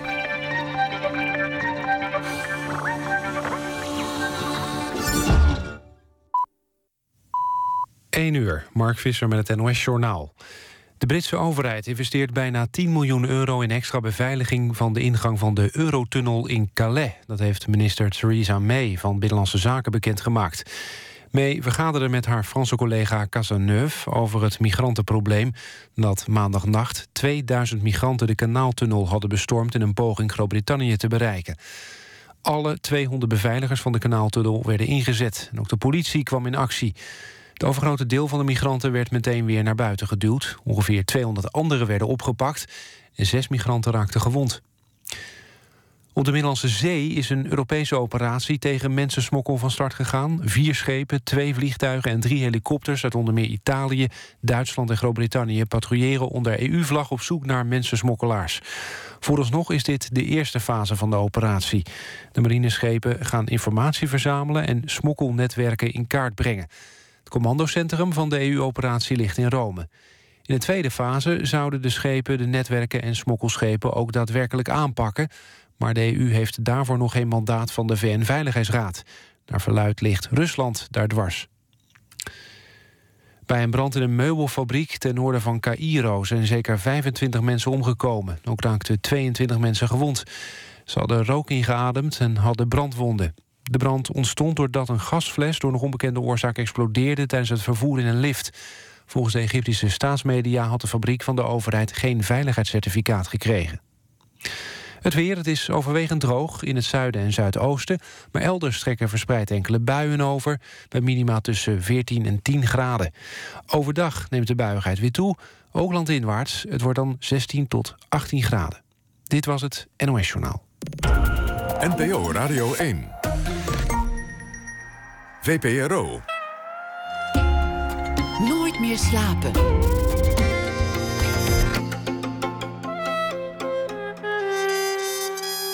Met Pieter van der Wielen. U luistert naar Nooit meer slapen. Straks een documentair portret van de Australische Nederlander Michel Faber. Hij heeft eh, beroemde romans geschreven. Lely Blanc, Scharlaken Rood. Het boek van wonderlijke nieuwe dingen. Samen met Maarten Westerveen gaat hij op zoek naar het enige videobeeld van zijn pas overleden vrouw. Jaren eerder geschoten door Theo van Gogh en Max Pam. Maar eerst Rob van Essen. Hij zal deze week elke nacht een verhaal voordragen. Hij is schrijver, vertaler en recensent van Engelstalige literatuur voor NRC Handelsblad. Schreef zijn eerste boek in 1996 en zijn laatste boek is een verhalenbundel. Hier wonen ook mensen. Goeienacht Rob. Goedenacht. Weer een dag voorbij. Weer een dag voorbij, ja. En hoe is dat gegaan? Hoe eh, ging die dag voorbij? Ik las dat de poëziebus door Nederland en België toert vanaf vandaag. De poëziebus. Ja, dat las ik op de site van het Parool, de poëziebus. Ik vond het een mooi woord. Het blijkt een, eh, dus te zijn met allemaal dichters die her en der optreden. Vandaag stonden ze in het Vondelpark. Ze gaan heel Nederland en België door. Maar ik vond, vooral, ik vond vooral het woord zo mooi, de poëziebus. Ja, ik dacht meteen aan een bus die parkeert in de straat. En wie, wie dan iets met poëzie wil, kan zich in die bus melden. Maar ze komen gewoon uit die bus en gaan optreden. Precies, daar komen gewoon bij langs. En ik, ik stelde me eigenlijk een bus voor die gewoon langs poëzie zou rijden. Een soort lijnbus waar je dan in kon zitten en dan kwam je gewoon langs poëzie. En daar heb ik het verhaal van vandaag over geschreven. De poëziebus, ga je gang. Ik had zitten suffen, of misschien had ik me laten afleiden door de verregende rouwkransen bij de halte Olleke Bolleke. Maar hoe dan ook, ik had mijn halte gemist. Zonder er verder over na te denken verliet ik de bus bij de volgende halte. Ik had er beter wel over kunnen nadenken, want zodra ik was uit- uitgestapt veranderde de halte in een reusachtige slagboom en kwamen van alle kanten dikke betonnen muren op me afschuiven terwijl een zwarte zon paarsige stralen omlaag zond. Ik zag meteen mijn fout in. Ik was per ongeluk uitgestapt bij halte hermetische poëzie. Ik verdwaalde vrijwel meteen. Overal stuitte ik op hoge, met prikkeldraad bekroonde stalen hekken met cijfersloten waarvan ik geen code had. Ik toetste willekeurige combinaties in en zo nu en dan sprong er een hek open, maar er zat geen systeem in en ik kwam nergens. Dagen ging dit zo door.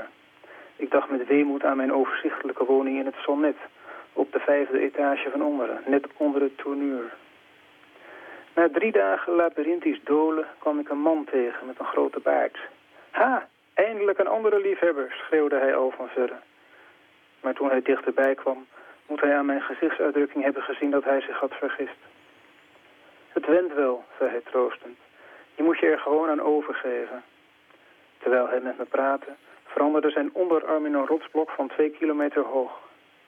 Ja, dat gebeurt soms, riep hij opgewekt. Wat dat betekent weet ik eerlijk gezegd ook niet precies. Met zijn vrije hand pakte hij een zaagje uit zijn tas en zaagde de in het rotsblok gevangen arm af bij de elleboog. Daarna deelde hij zijn brood met mij. Het smaakte naar poep. Samen trokken we verder, een uitzichtloos bestaan tegemoet. Langs de weg schommelden naar zichzelf verwijzende grisanten zachtjes in de wind. Een tocht met de poëziebus. Met eh, een, een lekere- zekere mate van symboliek en absurdisme onderweg. Zeker. Ben je, ben je een eh, grote poëzieliefhebber? Eh, ja, nou, ik las vroeger meer poëzie dan nu. Maar ik hou, ik, ik hield echt van traditionele poëzie van Nijhoff en Bloem. Minder van die vijftigers. En ik ben de laatste tijd Hans Favrij aan het lezen, wat ook vrij hermetisch is. Vandaar ook die chrysanten uit de laatste regel van het stuk. Dat was een verwijzing naar, eh, naar dat gedicht. Ja. En het, en het afzagen van de arm, dat, waren eigenlijk allemaal verwijzingen naar eh, gedichten, of niet? Nee, niet, eh, niet naar specifieke gedichten. Meer naar de sfeer van eh, hermetische poëzie. De onbegrijpelijkheid. De Zwarte Zon was trouwens wel een verwijzing naar een boek dat Paul Klaas ooit heeft geschreven over hermetische poëzie. En dat heet ook De Zwarte Zon. Wat als de wereld echt poëzie was en alles mogelijk was en, en soms ook iets wat onbegrijpelijk. Ja, wat dan? Dan zouden we met onze handen in het haar zitten. En ook een beetje de eenzaamheid van de poëzielezer. Dat, je, dat je eigenlijk nooit op al te veel zielsverwanten stuit. Tenzij wanneer je speciaal naar een vereniging gaat. Ja, precies. Maar dan krijgt het misschien ook wel weer iets treurigs. Want dan zit je daar als poëzieliefhebber allemaal bij elkaar. Ja, ja, je moet ze toch in het wild tegenkomen, denk ik. Denk je niet? Ja, of helemaal niet tegenkomen. Je moet er gewoon zelf van genieten. En, eh, en maakt jou het uit wat de rest van de wereld doet, toch? Precies, dat dacht ik ook toen ik dat las van die poëziebus. Je- Ja, je zit toch gewoon thuis onder de lamp met een bundel en dat is, dat- daar gaat toch eigenlijk niks boven. Ja, maar tegenwoordig is poëzie ehm, ook een beetje een podiumkunst geworden. Dichters Ja. die, die, die reizen zich helemaal suf, die treden op... omdat mensen wel van poëzie houden als ze de dichter erbij zien. Ja, dat is waar. En voor de dichters is het natuurlijk wel goed, omdat ze dan nog wat geld kunnen verdienen met optreden. Ja, verdienen ze ook nog eens wat. Want, Ja. want van je bundel moet je het helaas niet meer hebben. Nee. Nou, dankjewel Rob. En eh, morgen weer een verhaal. En eh, voor nu wens ik je een hele goede nacht. Dankjewel, tot morgen. Wie kent eh Sade nog? Ze had hits in de jaren 80. Smooth Operator en nou, nog andere hits. De Amerikanen Ben Britwell en het dagelijks leven zanger van de band Death Cab for Cutie. En Arwen Wine maakte een eigen versie van een nummer van haar Bulletproof Soul uit 1992.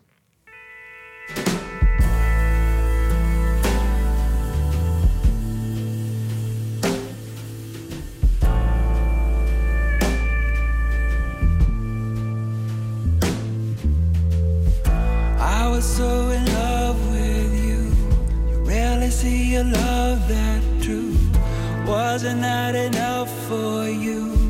Wasn't that enough for you? I would climb a mountain. I wouldn't wanna see you fall. Rock climb for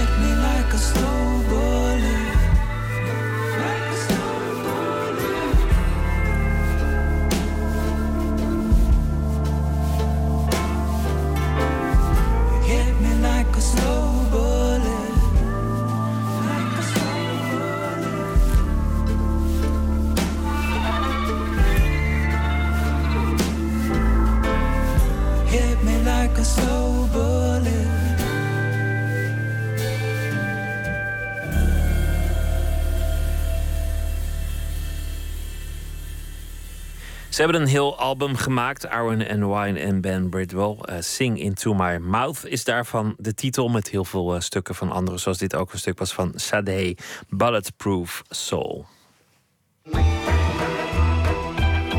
Nooit meer slapen. In 2000 zochten Theo van Gogh en Max Pam schrijver Michel Faber op in het hoge noorden van Schotland. Het portret dat ze van Michel en zijn vrouw Eva maakten kon in Nederland geen podium vinden. Een documentaire over een totaal onbekende schrijver. Wie zat daar nou op te wachten? Maar de film die zij maakte blijkt nu 15 jaar later van veel grotere betekenis dan ze ooit konden vermoeden.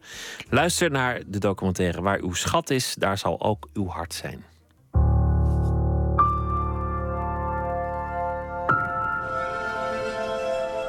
Eerst moet ik aan uw luisteraars uitleggen dat mijn Nederlands heel roestig is.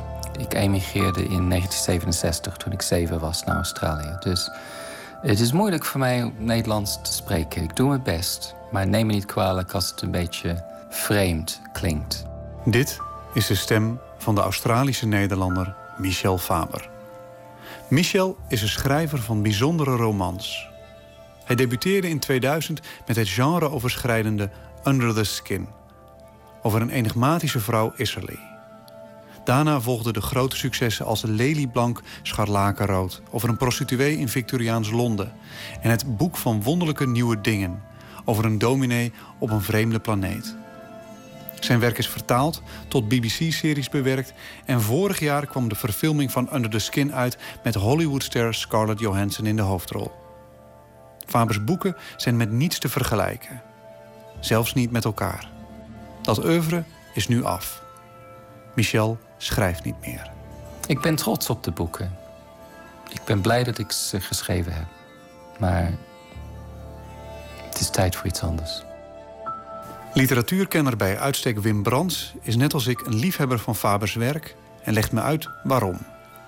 Ik heb Faber een aantal keren gesproken en onder meer naar aanleiding van zijn debuut Onderhuids. Dat is dat boek over die vrouw die in Schotland allerlei mannen oppikt. Ik heb hem nadien ook nog gesproken over zijn Victoriaanse roman Lely Blank, Scharlaken Rood. En als ik over hem nadenk, dan moet ik denken aan het eerste gesprek dat ik ooit met hem voerde. En dat ging dus over onderhuids. Maar in dat gesprek vertelde hij me hoe hij opgegroeid was in Den Haag. Maar belangrijker is dat hij aan die jeugd in Den Haag geen enkele herinnering heeft. Hij legde me vervolgens uit dat zijn geheugen voor een deel afgebrokkeld is. En dat naarmate hij dichter bij de jeugd komt, de herinneringen steeds vager worden, alsof je door een tunnel loopt en uiteindelijk zie je helemaal niks meer. Ik vond dat een heel merkwaardig verhaal. En ik dacht, verzint hij dat nou? Het zou zomaar kunnen namelijk. Het maakt mij trouwens ook niks uit in dit verband, want als het fictie wordt is het misschien nog beter.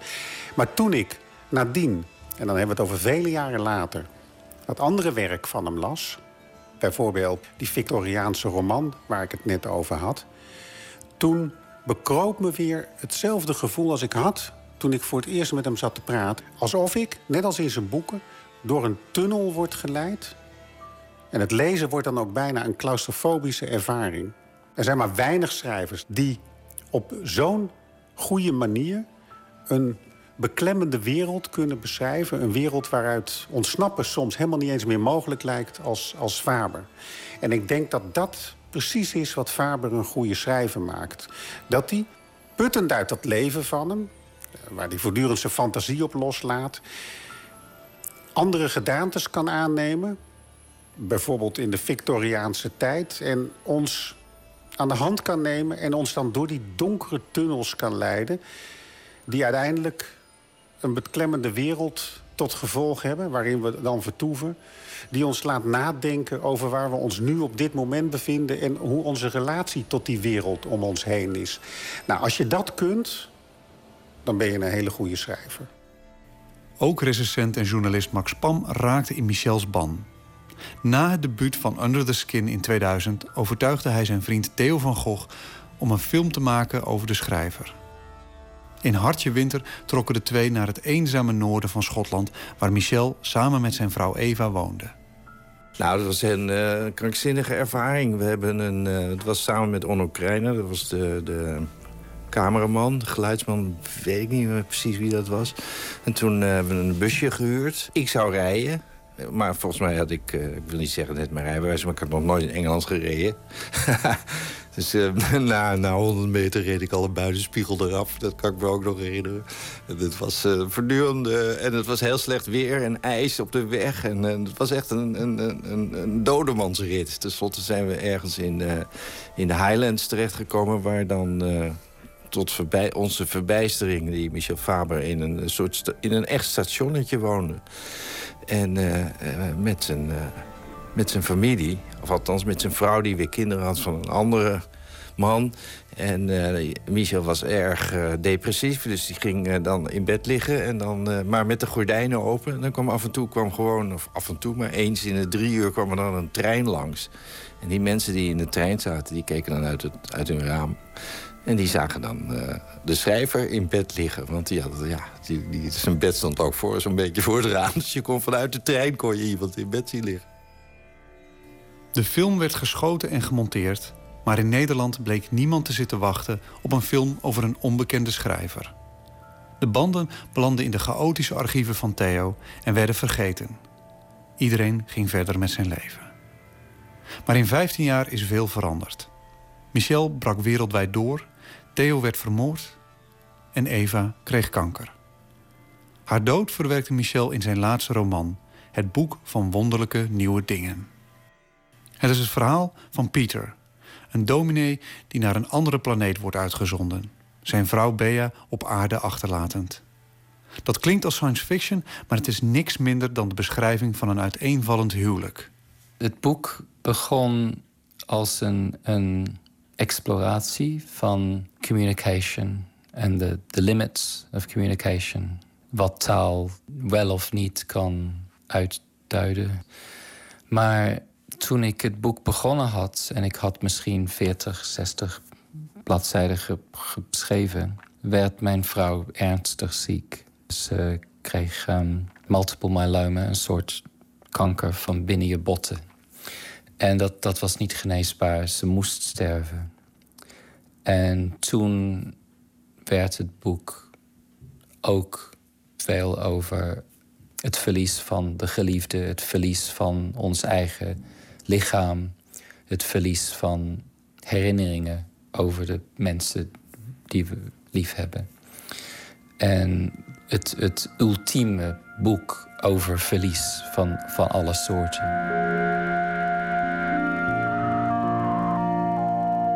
Uit Het Boek van Wonderlijke Nieuwe Dingen. Peter staarde naar het scherm. Het was parelgrijs en zijn tekst hing te bungelen in het plasma. Maar als hij zijn focus verlegde, kon hij zijn eigen spookachtige gelaat zien. Zijn warrige, blonde haar, zijn grote, heldere ogen... zijn geprononceerde jukbeenderen. Zijn gezicht, vreemd en vertrouwd. Hij keek zelden in een spiegel. In zijn vaste, dagelijkse ritme thuis ging hij uit van de veronderstelling dat een spiegel, als hij zich eenmaal had gedoucht en geschoren en een kam door zijn haar had gehaald, recht achterover over de schedel, geen speciaal kapsel, verder geen zinnige bijdrage aan zijn verschijning kon leveren. In de jaren dat hij er vanwege de drank en de drugs altijd verlopen uitzag, was hij menige ochtend begonnen met het bestuderen van zijn spiegelbeeld. Om de schade van de voorgaande nacht op te nemen. Sneden, blauwe plekken, gesprongen adertjes op zijn oogballen, geelzucht, paarse lippen. Sinds hij zijn leven had gebeterd, hoefde dat niet meer. Hij kon erop vertrouwen dat er niets drastisch met hem was gebeurd sinds hij voor het laatst had gecheckt. Hij merkte pas op dat zijn haar lang werd wanneer het voor zijn ogen begon te vallen, waarop hij Bea vroeg het voor hem bij te knippen. En hij werd pas herinnerd aan het diepe litteken tussen zijn wenkbrauwen wanneer zij daar, na het vrije, liefkozend met haar vingers overheen streek. Met een zorgelijke frons op haar voorhoofd, alsof ze nu pas zag dat hij verwond was.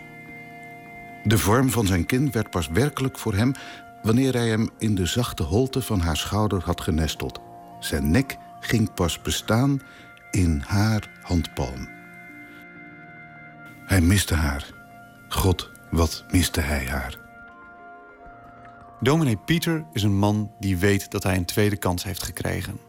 Uit een goot gered door zijn vrouw Bea stort hij zich op zijn nieuwe roeping. Dat is volgens Michel niet geheel toeval. Ik zelf ben in zekere zin gered door mijn vrouw.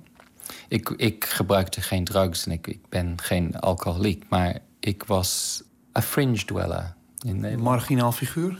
Ik, ik, ik was eigenlijk niet in de maatschappij. Ik, ik, ik woonde als, bijna als een, als een wild dier buiten de maatschappij. En, en zij heeft me gewelkomd in, in een gezin, in een uh, a loving sexual relationship. En ik ben een ander persoon nu als resultaat van die 26 jaar met haar en met haar liefde.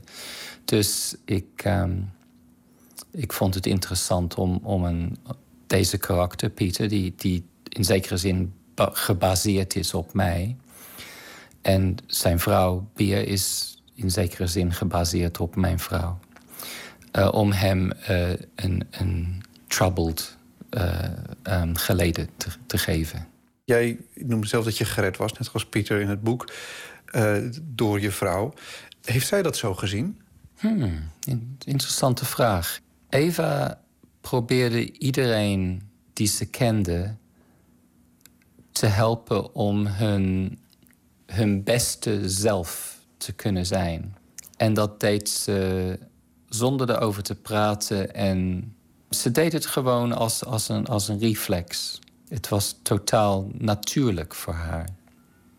Vele mensen, niet alleen ik, maar vele mensen die kijken terug op hun relatie met Eva en, en merken als ze terugkijken dat, dat ze een anders en beter persoon geworden zijn als resultaat dat ze haar gekend hebben. Ze- ja, ze was een bijzondere vrouw. We waren heel goed voor elkaar. Ze zei altijd dat ze heel blij was dat ze me ont- ontmoet had. Ehm, we hebben veel av- avonturen samen gehad. Intellectuele avonturen en philosophical avonturen en lichamelijke avonturen. Dus het, het was goed, maar ik heb het verloren. En het boek van Wonderlijke Nieuwe Dingen is in gedeelte over hoe het voelt en wat het betekent om, om dat te verliezen.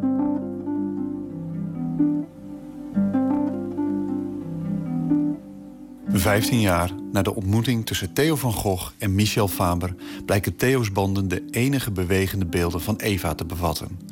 Een tastbare herinnering aan twee verloren levens. Ik besluit op zoek te gaan naar de verdwenen film. Dat bleek minder eenvoudig dan gehoopt. Producenten, cameramannen en erfgenamen, niemand heeft enig idee waar de banden te vinden zijn. Maar na een half jaar heb ik eindelijk geluk. Ergens bleek 20 minuten aan materiaal in een ongelabelde doos verstopt te liggen. Zes minuten in de film zie ik haar verschijnen. Een mooie vrouw met een zelfverzekerde glimlach, goed ingepakt tegen de Schotse kou. Samen met Michel kijk ik hoe Eva, Max Pam en Theo van Gogh rondleidt en vertelt over het boek Under the Skin. that it can very, very huge um, fees or huge amount of money to people to be able to eat this. I was thinking, why can't they uh, keep those beings? I won't consider, I won't call who they are. Why can't they keep these, these beings in a population like they keep crocodiles and animals like that? You mean have a colony of them on Earth? Yes, and have On them- Earth here? Yes, and have them have them reproduce themselves. Maarten, this is goud voor mij. Part of Dit is because there are several pages that ongelooflijk ehm, And no one knows ehm, fully what happened during valuable, the night. ehm, Michel is now? waardevol. Het was zo, laten we even.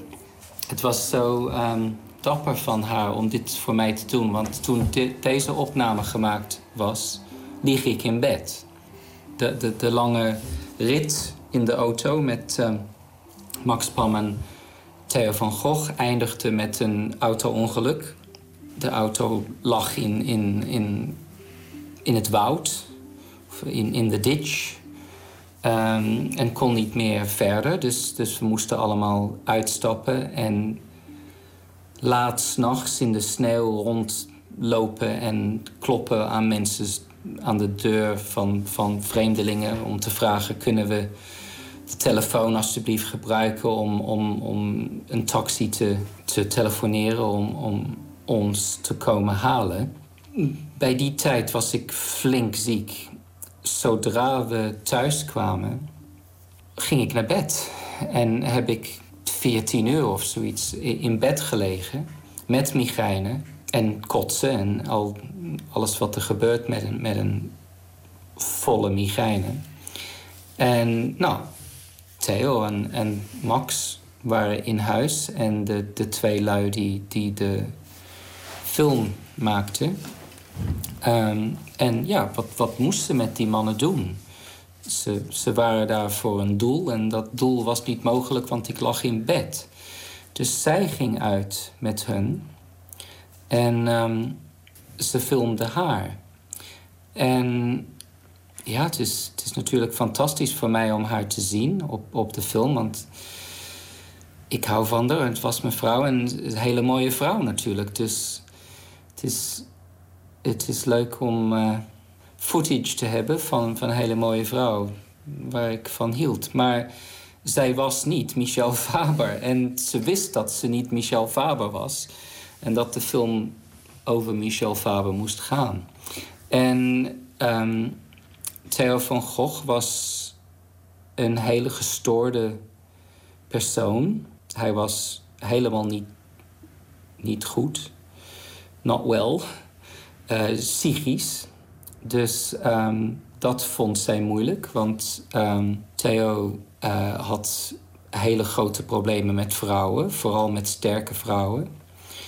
Dus er was een soort botsing tussen hem en haar. Hij, hij, ik denk dat hij haar mooi vond. En er was een seksuele eh, ehm, attraction, attractie, ehm, daar. Maar hij had ook knee-jerk misogyny. Wat is knee-jerk misogyny in, in ehm, Nederland? Ingebakken seksisme. En Eva kon dat natuurlijk heel goed merken. Maar ik denk omdat zij eh, lerares was en ze had veel te maken met tieners, eh, mannelijke tieners. Dus ze kon Theo eigenlijk goed behandelen, want hij was eigenlijk een grote tiener. Maar het, het, het was, het was een, een, een challenge voor haar. En ik ben zo dankbaar dat ze dat voor me gedaan heeft. Want ik had het echt niet kunnen doen. Ik was toen zo ziek, dus ik, ik moest een poos in bed liggen. Can you tell me where Michel is now? Where he is right now? Yeah. Well, he's at home on the railway station. Why is he not here? I don't understand the question. Why couldn't he be here? You know he had a migraine last night. Are you wanting me to explain this for the show? It's not a show. Sorry, I don't quite understand. Uh, you really don't know why he's here, or are you just asking me this? I as asked, maybe the viewers ask themselves why you are here and he isn't here. It's up to you if you don't want to explain. It's an accident. I mean, Michel had a very bad migraine, uh-huh. and he's recovering at home in bed. He can barely walk today. Uh-huh. But I don't think his physical condition should be on the, in the program. I think that's wrong. Ze was een aantrekkelijke uh, vrouw, donker haar, niet zo groot, fel, maar ook wel lief. En eh, het eigenlijk aardige was dat Theo meteen eh, verliefd op haar werd. Dat was duidelijk. En dat bleef voor haar ook niet erg onberoerd op de een of andere rare manier. Want je moet je voorstellen, die mensen woonden in de Highlands... waar misschien eh, eens per twee uur een auto voorbij reed. Dus er was eigenlijk nauwelijks verkeer. Wij zaten ook verderop in een soort mansion-achtig... eh, ja, zo'n zo'n zo'n huis, zo'n hotelachtig huis... waar je alleen in Hitchcock-films zo tegenkomt. Logeerden wij. Dus het is een, was een beetje een eigenaardige omgeving. Dus er kwamen dan ineens een paar Nederlanders in zo'n busje... met eh, Theo, met eh, natuurlijk drank en vrolijkheid. En ja, hoe is het ermee? Dus ja, er kwam meteen een sfeer van grote levendigheid in dat huis... waar het eigenlijk altijd eh, een beetje somber was. En dat was erg grappig. En dat, dat sprak haar natuurlijk als levens... was natuurlijk een beetje een levenslustige vrouw. Sprak haar wel aan. Kijk, dat is ook zo dat Theo natuurlijk een grote tiener was. En, eh, maar hij was natuurlijk ook heel erg... Hij kon er ook heel erg innemend zijn. Mensen konden ook dol op hem zijn. En eh, ja, dat, dat gebeurde daar een beetje. Zij, zij dacht natuurlijk ook, wat heb ik hier? Wat is dit voor een gek? Die, die, die heeft meegebracht. Omdat het, ja, het was ook, eh, Theo zou dat regisseren. Het was niet de bedoeling dat hij zich met, het, eh, met de interviews met wat ook zou eh, bemoeien. Maar ja, dat, dat was natuurlijk op een gegeven moment was dat niet meer te doen. Want hij zag daar die vrouw, dus daar moest hij op af. En, eh, en dat deed hij helemaal op zijn eigen manier. En dat, dat, maakte het toch heel grappig. Dus, eh, en, en nou, heel, heel interessant om die twee mensen met elkaar te zien. Wat betekent dat als Theo verliefd werd? En in dit geval... Wat Nou ja, verliefd, ja, je moet je, dat, dat was natuurlijk gek, want hij was erbij en er waren kinderen bij en zo. Dat was een soort ja, flirtig-achtige achtige situatie. Het is lollig natuurlijk, maar ehm, sinds ze even gestorven is, heb ik veel contact met mensen die haar gekend hebben. En wat vele mensen zeggen is. De grote indruk dat ze kregen was dat ze me altijd verdedigde en beschermde. Omdat ze wist dat ik fragiel was in, in, op zekere manier. Zij zag haarzelf als, als persoon dat tussen mij en de, de grote kwaaie wereld stond. Ja, daar ben ik ook heel dankbaar voor. En nu natuurlijk ben ik eh, sterker geworden. Omdat ze me zoveel verdedigd heeft. En ik ben, I developed, ik ben ontwikkeld als resultaat. En ehm, iemand zei tegen me kort geleden dat ze vonden dat ik een soort, in die tijd, dat ik een soort eh, fragiele bloem was. En zij was mijn broeikas. En dat vond ik een hele mooie uitdrukking voor, voor wat ze voor mij gedaan hebben. Maar je moet ook begrijpen, als, als ik dit zie voor de eerste keer in al die jaren. Ja, ik, ik, ik luister naar wat ik en Eva zeggen. Maar in, in, in mijn ziel, in mijn hart, in mijn hersens, het grotere deel blijft steeds denken: wat een fantastisch mooie vrouw. Wat enorm goed geluk had ik om, om met, met zo'n ongelooflijk mooie vrouw, mooi van haar binnen en buiten te zijn.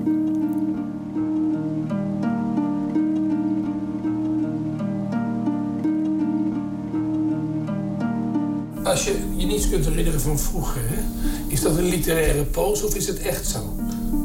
Oh, dat is echt zo. Dat is echt zo. I- ieder jaar dat ik leef, verlies ik dan nog weer een jaar of twee van de an- andere kant. Er zijn dingen die onze kinderen tegen me zeggen. Michel, dat kan je toch herinneren? Dat was maar zeven jaar geleden of zoiets. In de, die film zeg je, ik verlies elk jaar een jaar. Ben je bang voor dat je Eva ook gaat verliezen op die manier? Dat je Oh ja, gaat- absoluut. Dat is mijn grootste vrees. En dat is waarom ik nu al die e-mails door gaat lezen... en waarom ik naar Australië gegaan ben om met haar familieleden en vrienden en oude collega's te praten. En ik heb al die gesprekken heb ik, ehm, eh, opgenomen op, op een, een gadget. Ik ben nu al begonnen met dat allemaal als tekst te, te typen. Hè? En ik hoop dat als, als ik al die opgenomen gesprekken vermeng met al de e-mails en al de brieven die nog bestaan en al de foto's, dat ik uiteindelijk een, een soort geschiedenis terug kan lokken die ik zelf in, in, mijn, in mijn eigen hersens niet, ehm, niet kan vinden, maar die ergens buiten mijn hersens nog bestaan. Ja, het, het had veel beter geweest natuurlijk als ik al die jaren, die, al die 26 jaren, als ik een, eh, een dagboek had kunnen schrijven. Maar dat heb ik niet gedaan. Ja, dit is wat ik wel kan doen. Eh, Wat betekent het in dat licht, of, wat je, of dat proces dat je nu beschrijft... wat betekent dan om haar dan te zien bewegen en te zien praten... en haar, nou ja, haar haren bijvoorbeeld door de wind te zien eh, geroerd worden? Ja, haar haar in de wind. Het zijn mooie haren. Het, het, het was fantastisch mooi haar. En natuurlijk, dat haar heeft ze verloren met de kanker. En toen voor een poosje groeide het terug en toen was het krullig. Dus ze had een, een heel verschillend hoofdhaar. En toen heeft ze het helemaal verloren. En er was een hele intieme dag toen ik het afknipte wat er nog op haar hoofd zat. Het was een van de meest intieme dingen die we ooit samen gedaan hebben. Dat, dat ik wispjes van, van wat er nog op haar hoofd groeide afgeknipt heb. Dus ja, het, het is de, de lichamelijkheid van, van dat footage. De echtheid, de, realness ervan is, is over, overwhelming. Maar ja, heel waardevol voor, voor mij. Mensen hebben me verteld dat, dat als je ouder wordt en je bent eerder getrouwd of zoiets, dat, dat in de loop van tijd kan je niet meer herinneren wat voor kleur je vrouws ogen waren en misschien niet eens wat de kleur van haar haar was. En nou ja, ik verlies natuurlijk een heleboel, maar ik kan nu wel altijd, zolang als ik leef, kan ik nog zien wat kleur haar haar was en hoe het, hoe het beweegde in de wind.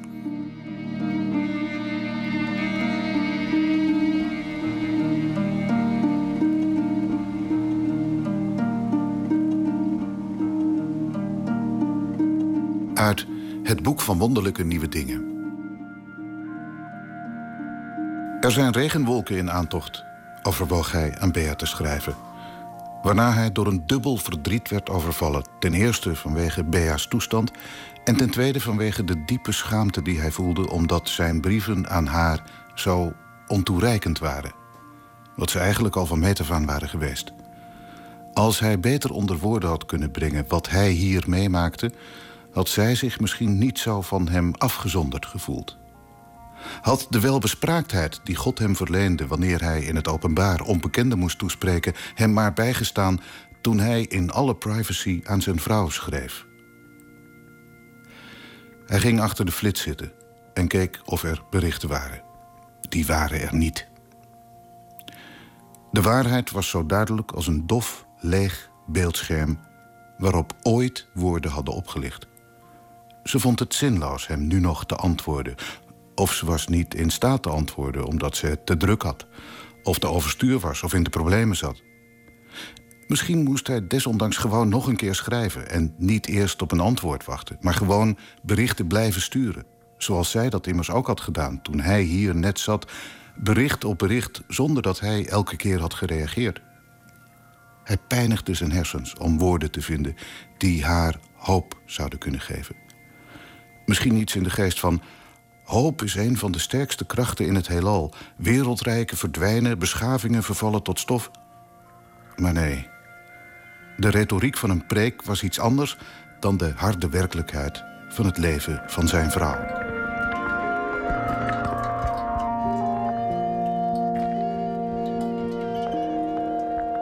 Je bent een schrijver. En dit is een, een absoluut dieptepunt. Eh, om dan toch zoiets tastbaars als een boek... dan toch te hebben dat zo diep daarmee verbonden is... blijkt dat nu dan een troost, houvast? W- Wat is het eigenlijk om dan een boek te hebben, iets fysieks te hebben... dat, nou ja, dat daar met zo'n periode in je leven verbonden is? Het is leuker dat het bestaat dan dat het niet bestaat. Het zou triest geweest zijn als ik het niet had kunnen schrijven. Maar het geeft me geen troost. Ehm, literatuur helpt niet. Niets helpt. En op het ogenblik schrijf ik ehm, gedichten. En die helpen ook niet, maar het is wat ik kan schrijven nu. Eh, ik schrijf gedichten over, over Eva en het verlies van haar. Ik, ehm, ik ben hier in Nederland om familieleden te zien. Mijn broer en nicht. En vrienden. Maar ik heb ook een, een ulterior motive. Ik zou graag hebben dat in de toekomst meer mensen in de wereld Eva's werk zouden kunnen ontdekken. Haar fotografie, haar schilderijen en ook haar schrijven. Want zij, zij schreef ook. En als het boek van Wonderlijke Nieuwe Dingen heel succesvol is... en de naam Michel Faber heeft een, een, een, ehm, een waarde in de marketplace... dan is er meer kans dat mensen nieuwsgierig zullen zijn over mijn vrouw en over de, de, backstory, het verhaal achter het verhaal. En misschien uiteindelijk zal dat het mogelijk maken dat ik haar werk aan het publiek kan offeren. En dat er mensen zullen zijn die daar belang bij hebben.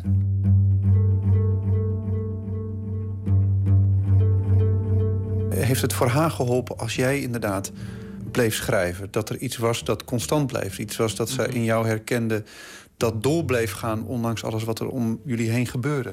Met jullie gebeurde? Ja, ik, ik, ik kan haar dood niet beter maken. Ze heeft veel geleden.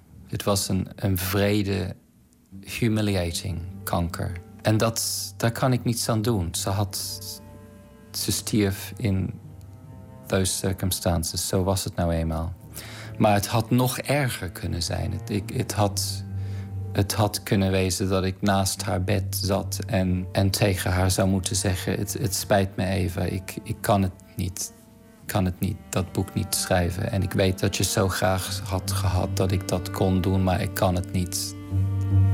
Vergeef me. De invloed van, van Eva op mijn leven was heel diep. En wat er ook me mankeerde, wat er verkeerd met me was, wat dat dan ook was, wat voor woord we daarvoor gebruiken, of het autisme is of, of borderline personality disorder, of al die woorden die, die mensen ehm, verzinnen om, om een naam te geven aan wat, wat mis met een mens is. Het is veranderd. Wat het ook was, het is veranderd. Uh, als resultaat dat ik haar gekend heb. En dat ik van haar hield en dat zij van mij hield. En, en ik denk dat dat eigenlijk logisch is. Want als het waar is dat iemand die je eens in je leven ontmoet, dat, dat een mens je, je kan verknoeien voor altijd, omdat ze je um, bereikte op een tijd in je leven wanneer je erg uh, breekbaar of kwetsbaar was. En, en they fucked you up, basically. Uh, wat dat, hoe je dat in Nederland zegt. Moet, moet het ook waar zijn dat het andersom kan? Dat je iemand kan ontmoeten die voor altijd en eeuwig je beter maakt dan je eerst was. En dat was voor mij Eva, ja. Het willen zien van die beelden, het verwerken van de dood van je vrouw in een boek. Wat doe je eigenlijk op het moment dat je je met dat soort dingen bezighoudt? Nou, punt 1. Voor mij is de kunst altijd meer belangrijk dan de kunstenaars. Dus ja, ik hield van E- Eva en ik ben zelf een mens en ik heb mijn eigen, leven om door te leven. Maar ik, ik ben ook heel bewust van het feit dat 100 jaar van nu of, of 200 jaar van nu, eh, al de, al de menselijkheid is, is dan vergaan. Het is weg. En wat er misschien overblijft, is stukjes kunst. En we kunnen niet, niet terughalen um, het, het leven van de mensen die die kunst gemaakt hebben. Maar soms kunnen we de kunst nog vinden. En ik, ik denk dat Eva's werk als kunst interessant is en sterk. En ik denk dat het waarde hebt. En ik denk ook dat al, al is er in de wereld zoveel kunst, voor mij een heleboel van die kunst is niet interessant en spreekt niet tegen mij.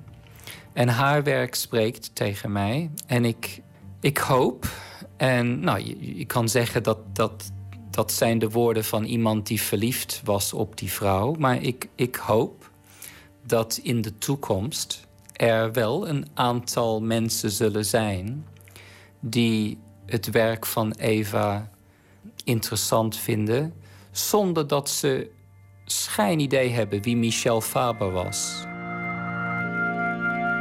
Uit Het Boek van Wonderlijke Nieuwe Dingen. Alles was in zijn geheugen opgeslagen. De delen die belangrijk waren, de delen die hij nodig zou kunnen hebben. Zelfs nu wist hij vrijwel zeker dat hij het evangelie van Matthäus uit zijn hoofd kon opzeggen. Alle 28 hoofdstukken. Met uitzondering van dat Hiskia gewon Jotam gedoe helemaal aan het begin. Hij dacht aan Bea, die hem, toen ze nog maar net samen waren... in de slaapkamer van hun piepkleine appartement had voorgelezen uit hoofdstuk 6. En met zachte, begeesterde stem had gesproken over de hemelse wijkplaats... waar kostbare dingen veilig waren. Want waar uw schat is, daar zal ook uw hart zijn. Hij dacht aan de laatste woorden van Matthäus... en de betekenis die ze konden hebben voor twee mensen die van elkaar hielden. Ik ben met u al de dagen tot aan de voleinding der wereld. Amen.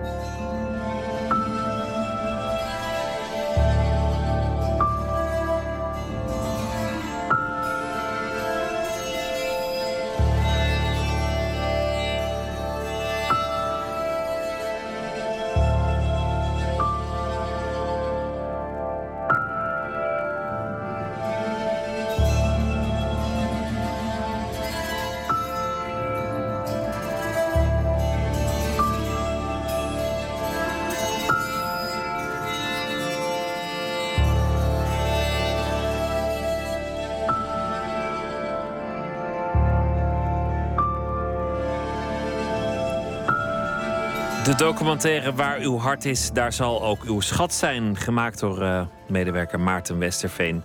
Met dank aan eh, Max Pam, Wim Brands, Meerte Wind, Anton de Goede, Columnfilm en in het bijzonder Michel Faber. Eerder werd deze documentaire uitgezonden in het eh, programma Radio Doc. We gaan luisteren naar een blueslegende, John Lee Hooker. I put my trust in you.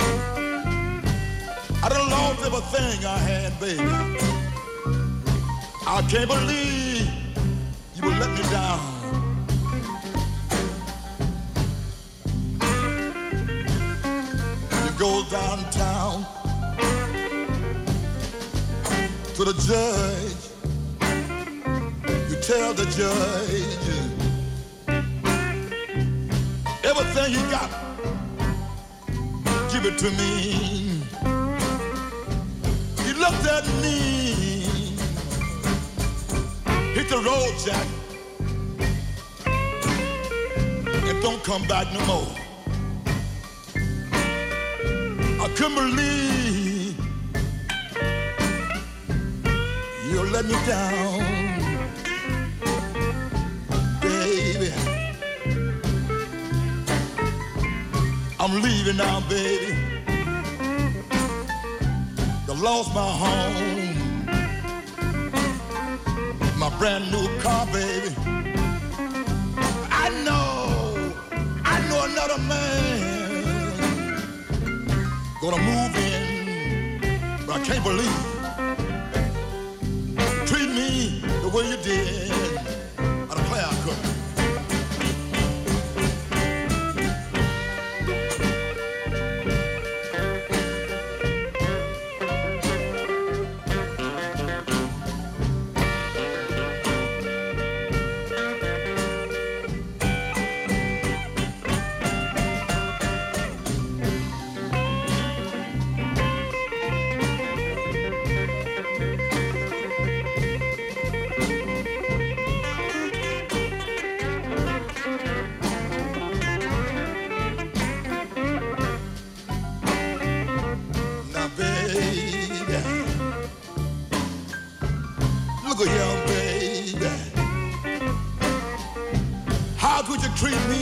Did, baby?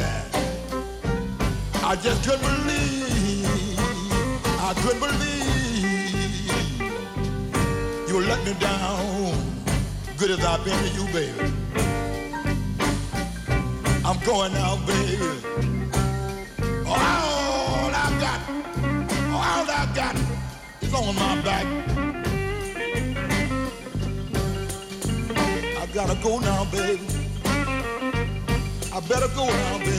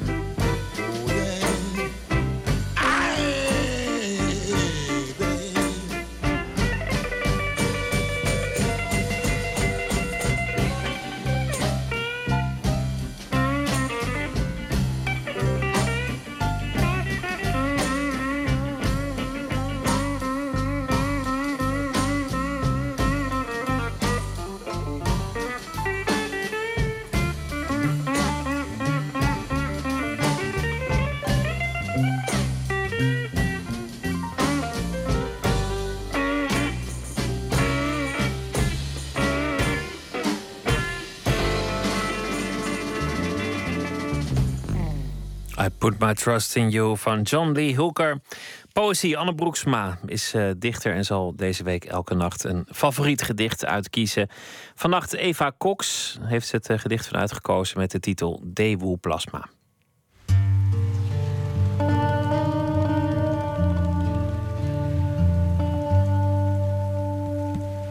Ik heb een eh, gedicht uitgekozen van de Vlaamse dichteres Eva Cox. Ik ben groot fan van haar. En ze schrijft eh, grimmig lyrische gedichten. En ze heeft een. ehm, ja, je moet eigenlijk haar stem horen. Ze heeft een Vlaams accent natuurlijk. Maar ook heel veel eh venijn in haar stem.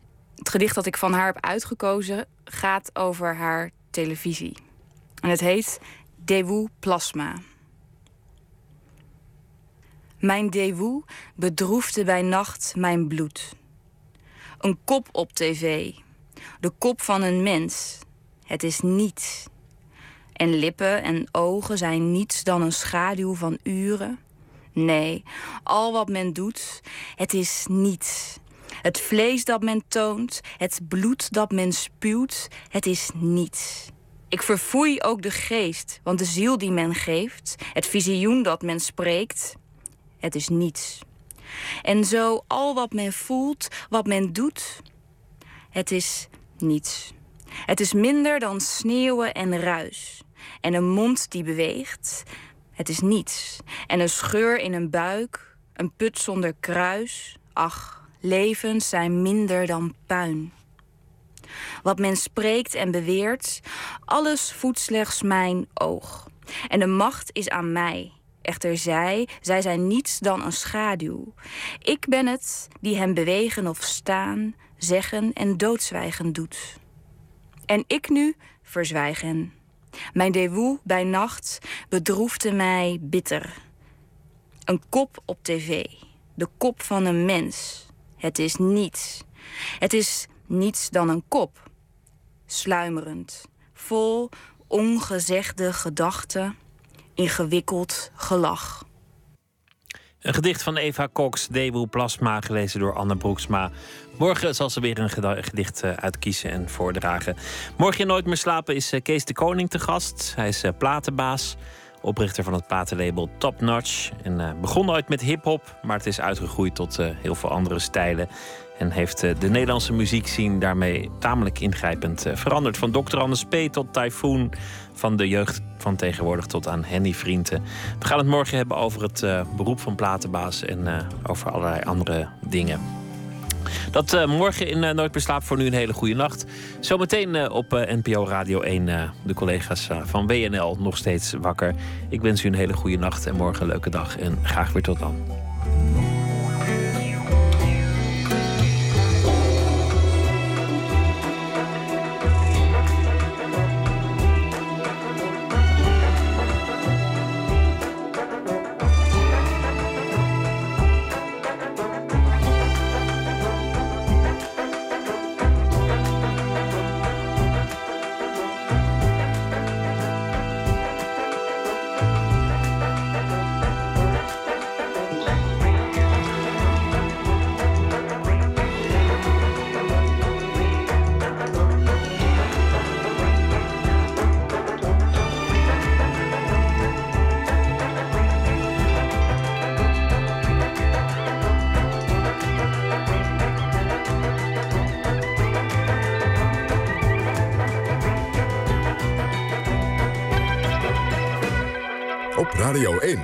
Nieuws van alle kanten.